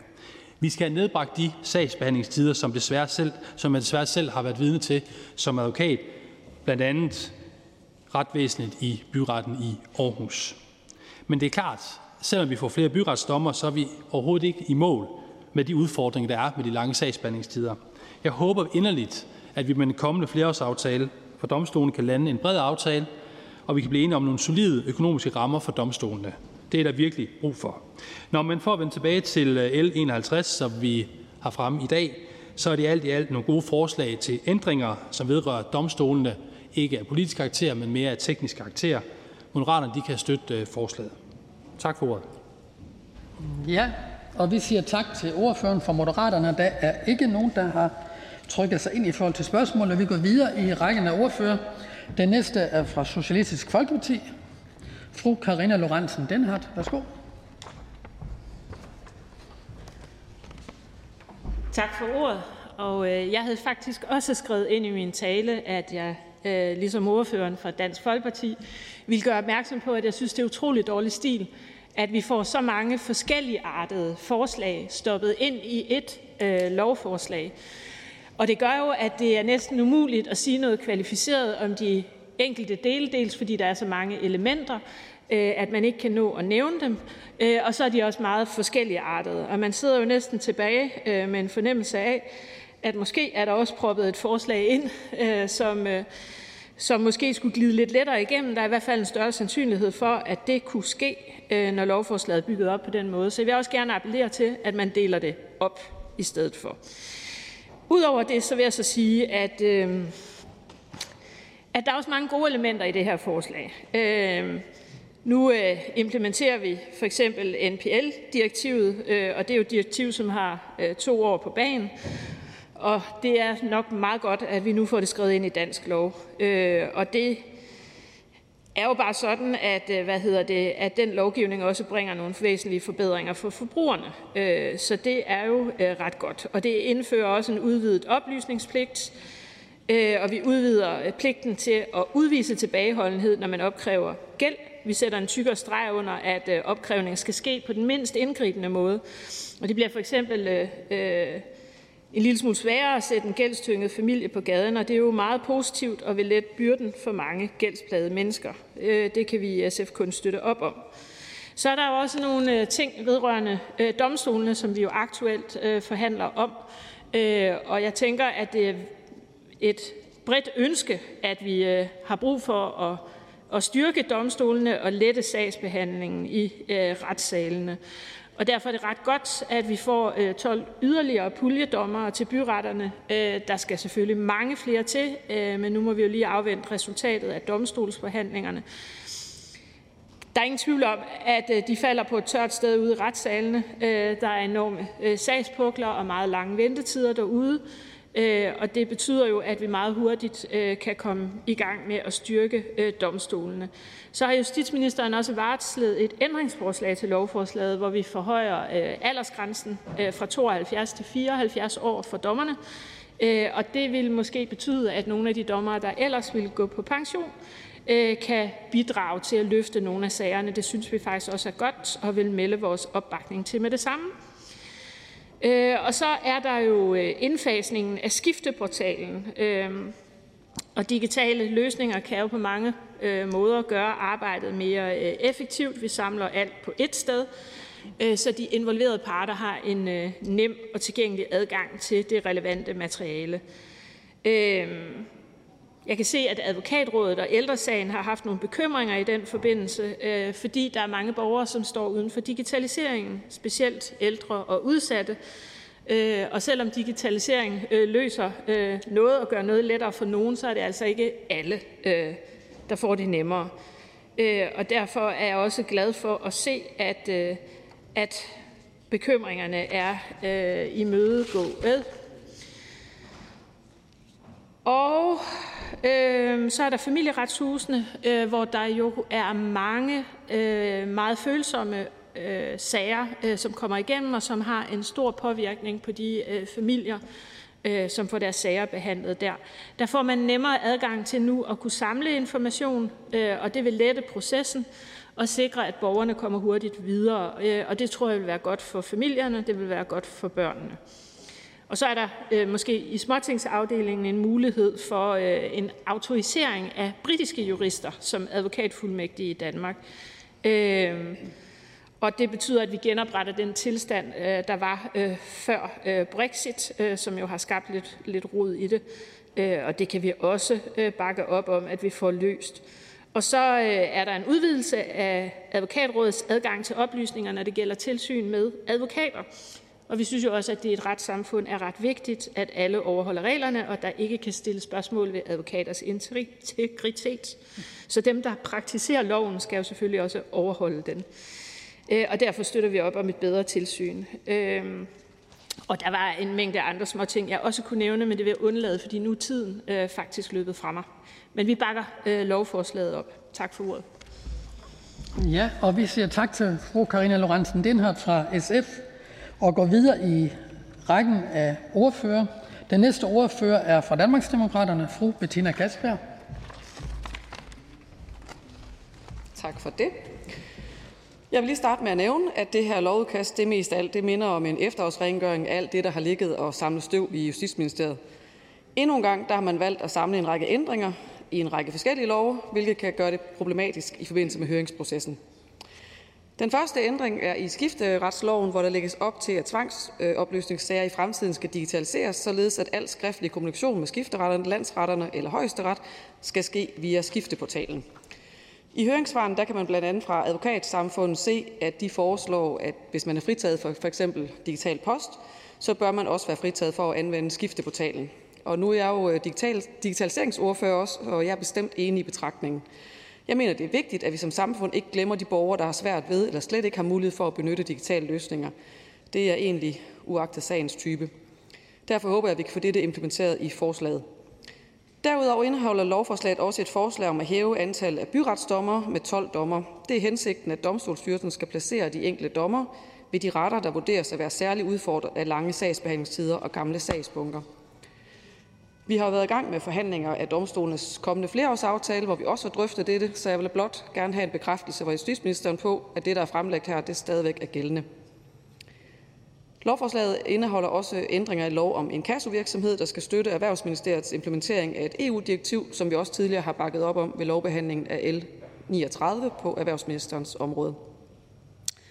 Forslaget får positive tilkendegivelser fra gældsrådgivningen, der finder, at den valgte implementeringsmodel vil stille forbrugerne bedre, og der bliver større mulighed for at tage individuelle hensyn og mulighed for refinansiering, omlægning og eftergivelse eller gældskonsolidering.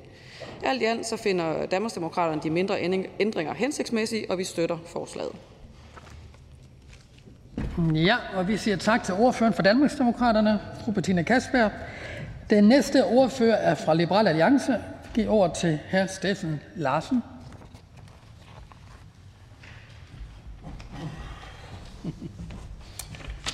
Mange tak. Forslaget her det skal være med til at afhjælpe en række problemer hos domstolene, og en del af forslagets indhold er da også en del af de pågående domstolsforhandlinger, efter min opfattelse. Hvorfor vi i Liberal Alliance ikke sådan uden videre kan fortælle, om vi er positive over for forslaget. Vi er positive over for del af det, og vi synes, at det ser rigtig godt ud, men del af det jo ligger også i forhandlingerne om domstolene, som ikke er færdiggjort endnu. For eksempel antaget øh, af dommer, byretsdommer, der skal øges. Det er en del af domstolsforhandlingerne. Det synes vi er mærkværdigt, at man lægger ind i øh, et puljelovforslag, inden at domstolsforhandlingerne er afsluttet. Jeg skal dog hilse fra Nye Borgerlige og sige, at de er for forslaget. Tak. Ja, og vi siger tak til hr. Stefan Larsen fra Liberal Alliance. Og vi går videre i rækken af ordfører, og den næste ordfører er fra det konservative Folkeparti. Og så må jeg indrømme, at jeg har ikke lige styr på navnene her i forhold til, jeg fik at vide, det var fru Mette Appelgaard, der skulle på talerstolen. Men værsgo til ordføreren. Der er mange nye regler hen. Værsgo. Jeg hedder Asger Carlsen. tak for det, formand.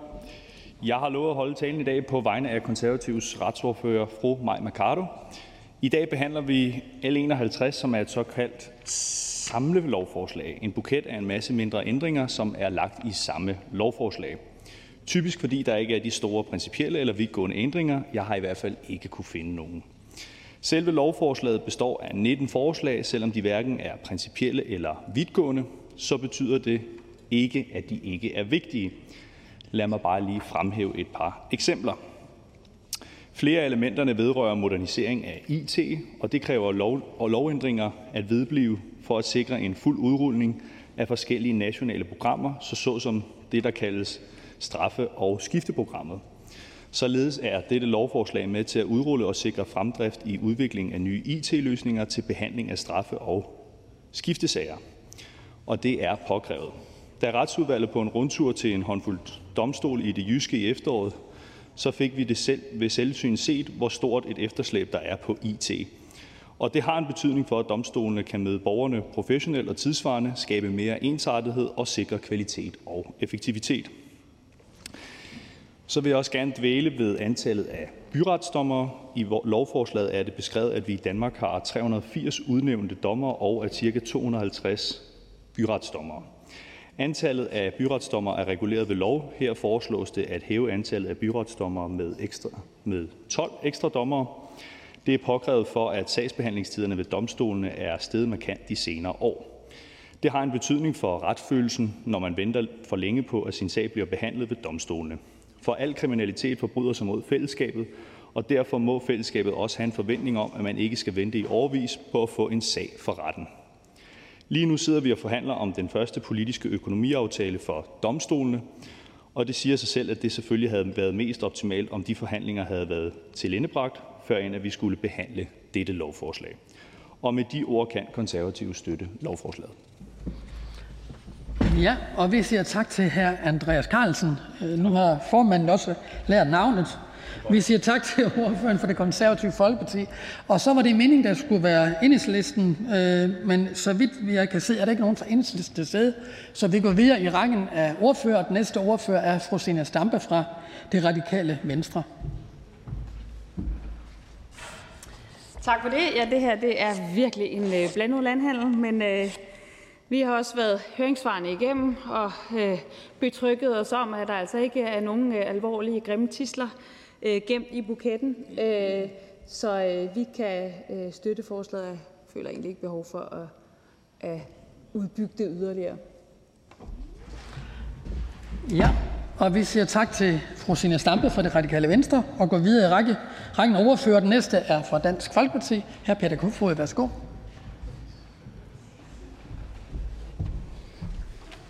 Tak for det, formand.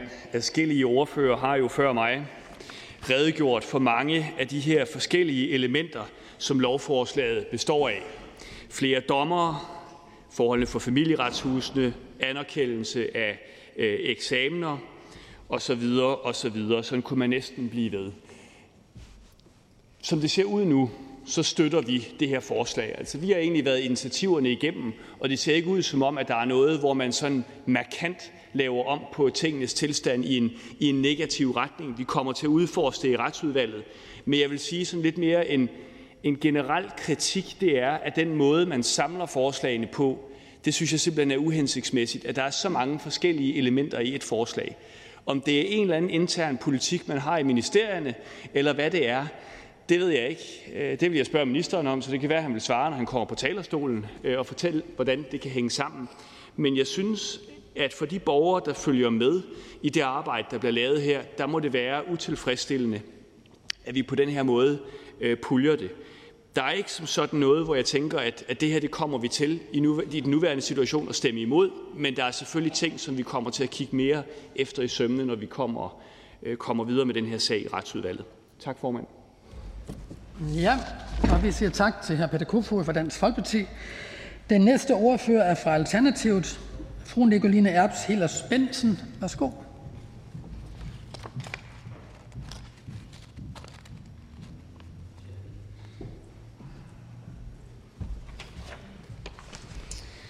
Tak for ordet, formand. I Alternativet støtter vi også lovforslaget, på trods af, at det er lidt en blandet landhandel. Det indeholder primært øh, tekniske ændringer, som vi ikke finder problematiske, og dertil så letter det jo også adgangen til familieretshuset huset i vævemålssager, og det støtter vi, på trods af, at familieretshuset er noget, der fylder meget i debatten for tiden, og vi generelt ønsker, at vi løser nogle af de problemer, som er på området. Vi støtter også lovforslaget, fordi der jo er nogle præciseringer og en modernisering omkring retsplejeloven, som spiller godt sammen med de forhandlinger, vi sidder i pt. på flereårsaftale om domstolene, men vi undrer os også en lille bitte smule over, at ministeren har valgt at køre det særskilt uden om de forhandlinger, som vi har gang i. Men samlet set vælger vi at støtte lovforslaget. Ja, og vi siger tak til fru Nicoline Erbs Hilles Bensen fra Alternativet. Det var den sidste ordfører, der har meldt sig til den her runde, og vi går videre til justitsministeren. Værsgo.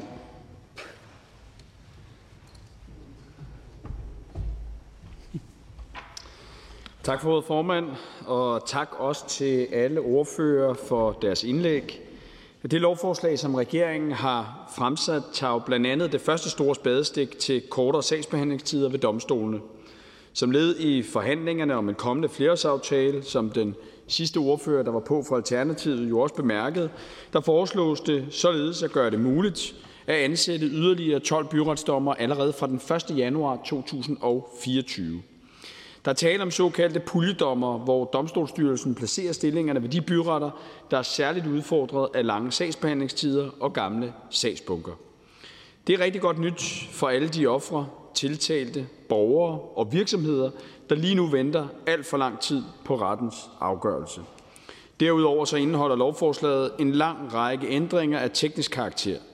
Det er ændringer, som er vigtige for alle de praktikere og borgere, der er i kontakt med retsvæsenet. Lovforslaget indeholder således de nødvendige ændringer for at understøtte digital behandling af skifteretternes tvangsopløsningssager. Det er den tredje release i det såkaldte straffe- og skifteprogram. Straffe- og skifteprogrammet er Domstolsstyrelsens nye, store IT-system, der skal modernisere behandlingen af sager på straffe- og skifteområdet ved Danmarks Domstole. Programmet gennemføres ved i alt fem såkaldte releases, hvoraf det her lovforslag altså understøtter den tredje release. Det er et stort IT-projekt, som bygger på mange tusinde timers arbejde hos medarbejderne ved Domstolsstyrelsen. Det er et langt sejt træk, hvor rundt regnet 100 medarbejdere sidder med alt lige fra jura og økonomistyring til analyser af forretningsbehov og design og udvikling af nye løsninger i de nye straffe- og skiftesystemer. Samlet set vil det modernisere domstolenes arbejde og borgernes kontakt med domstolene. Ved release 1 blev behandlingen af dødsboskiftesager delvis digitaliseret, og der efterfølgende viser at være et behov hos brugerne af systemet for at øh, klargøre for klare regler om, hvad brugerne skal gøre, hvis sagsportalerne er utilgængelige, for eksempel som følge af et IT-nedbrud.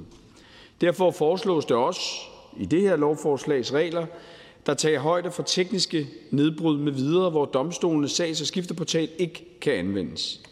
Jeg er glad for, at vi med de her regler kan bane vejen for endnu et skridt i den vigtige proces med at få moderniseret domstolenes IT-systemer.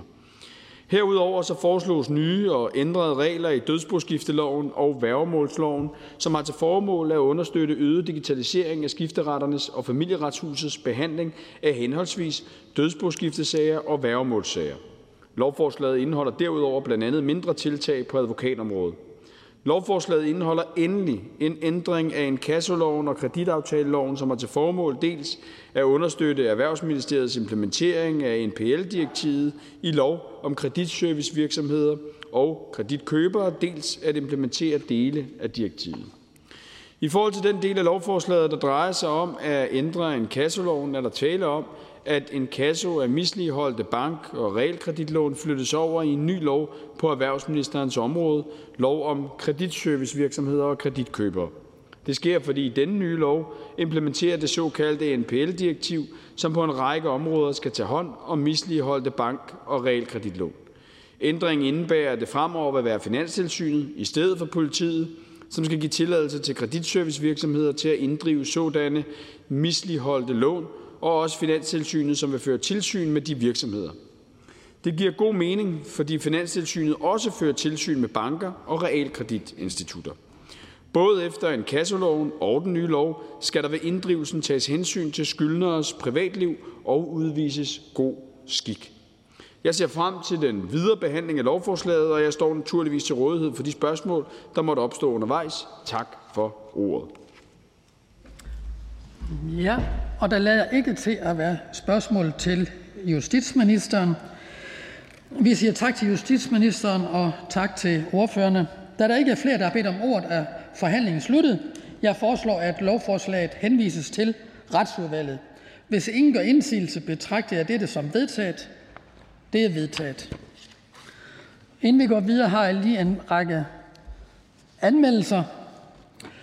I dag er der følgende anmeldelser over for Folketinget. Hr. Mikkel Bjørn, Dansk Folkeparti med flere. Beslutningsforslag nummer 33 om, at Danmark udtræder af Europarådets konvention nummer af 6. november 1997 om statsborgerret.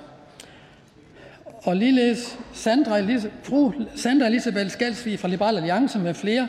Beslutningsforslag nummer 34 om bedre vilkår for private universiteter. Fru Pia Kærsgaard, Dansk Folkeparti Beslutningsforslag nummer 35 om at ophæve alle regler begrundet i særhensyn til islam. Fru Lisbeth Bæk Nielsen, SF med flere. Beslutningsforslag nummer 36 om et loft over betalingsfrister mellem virksomheder. Fru Rosa Lund, Enhedslisten med flere. Beslutningsforslag nummer 37 om at ændre myndighedernes registreringskrav for anvendelse af udlændingelovens paragraf 19. Hr. Peter Kofod, Dansk Folkeparti med flere.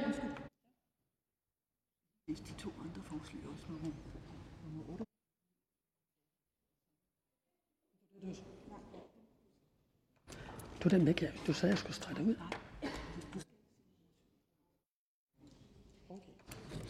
Og jeg skal også nævne paragraf... Undskyld, hvad sagde du? Nummer 38 og nummer 39. Og så står der paragraf 19, styk 7 og nummer 40 om at give partnervoldsudsatte familiesammenførte ret til egen opholdstilladelse ved samlivsbrud. Ja. Jeg går ud fra, at vi har nævnt det hele. Så går vi videre. Hr. Peter Kofod, Dansk Folkeparti med flere. Hasteforspørgsel nummer 10 om konsekvenser for Danmarks relation til andre landes efterretningstjenester i relation til den kommende undersøgelse af FE-sagen. Og ligeledes her Alex Ahrendtsen, Dansk Folkeparti med flere. Forspørgsel nummer 11 om borgerdrevne kommunale folkeafstemninger. Titler på de anmeldte sager vil fremgå af folketingstidene.dk. Så håber jeg, at vi kan komme i mål med, med det, vi ikke havde med tidligere. Der er ikke mere at foretage dette møde. Folketingets næste møde afholdes i morgen, onsdag den 8. november 2023 kl. 13. Jeg henviser til den dagsorden, der vil fremgå af Folketingets hjemmeside. Mødet er hævet.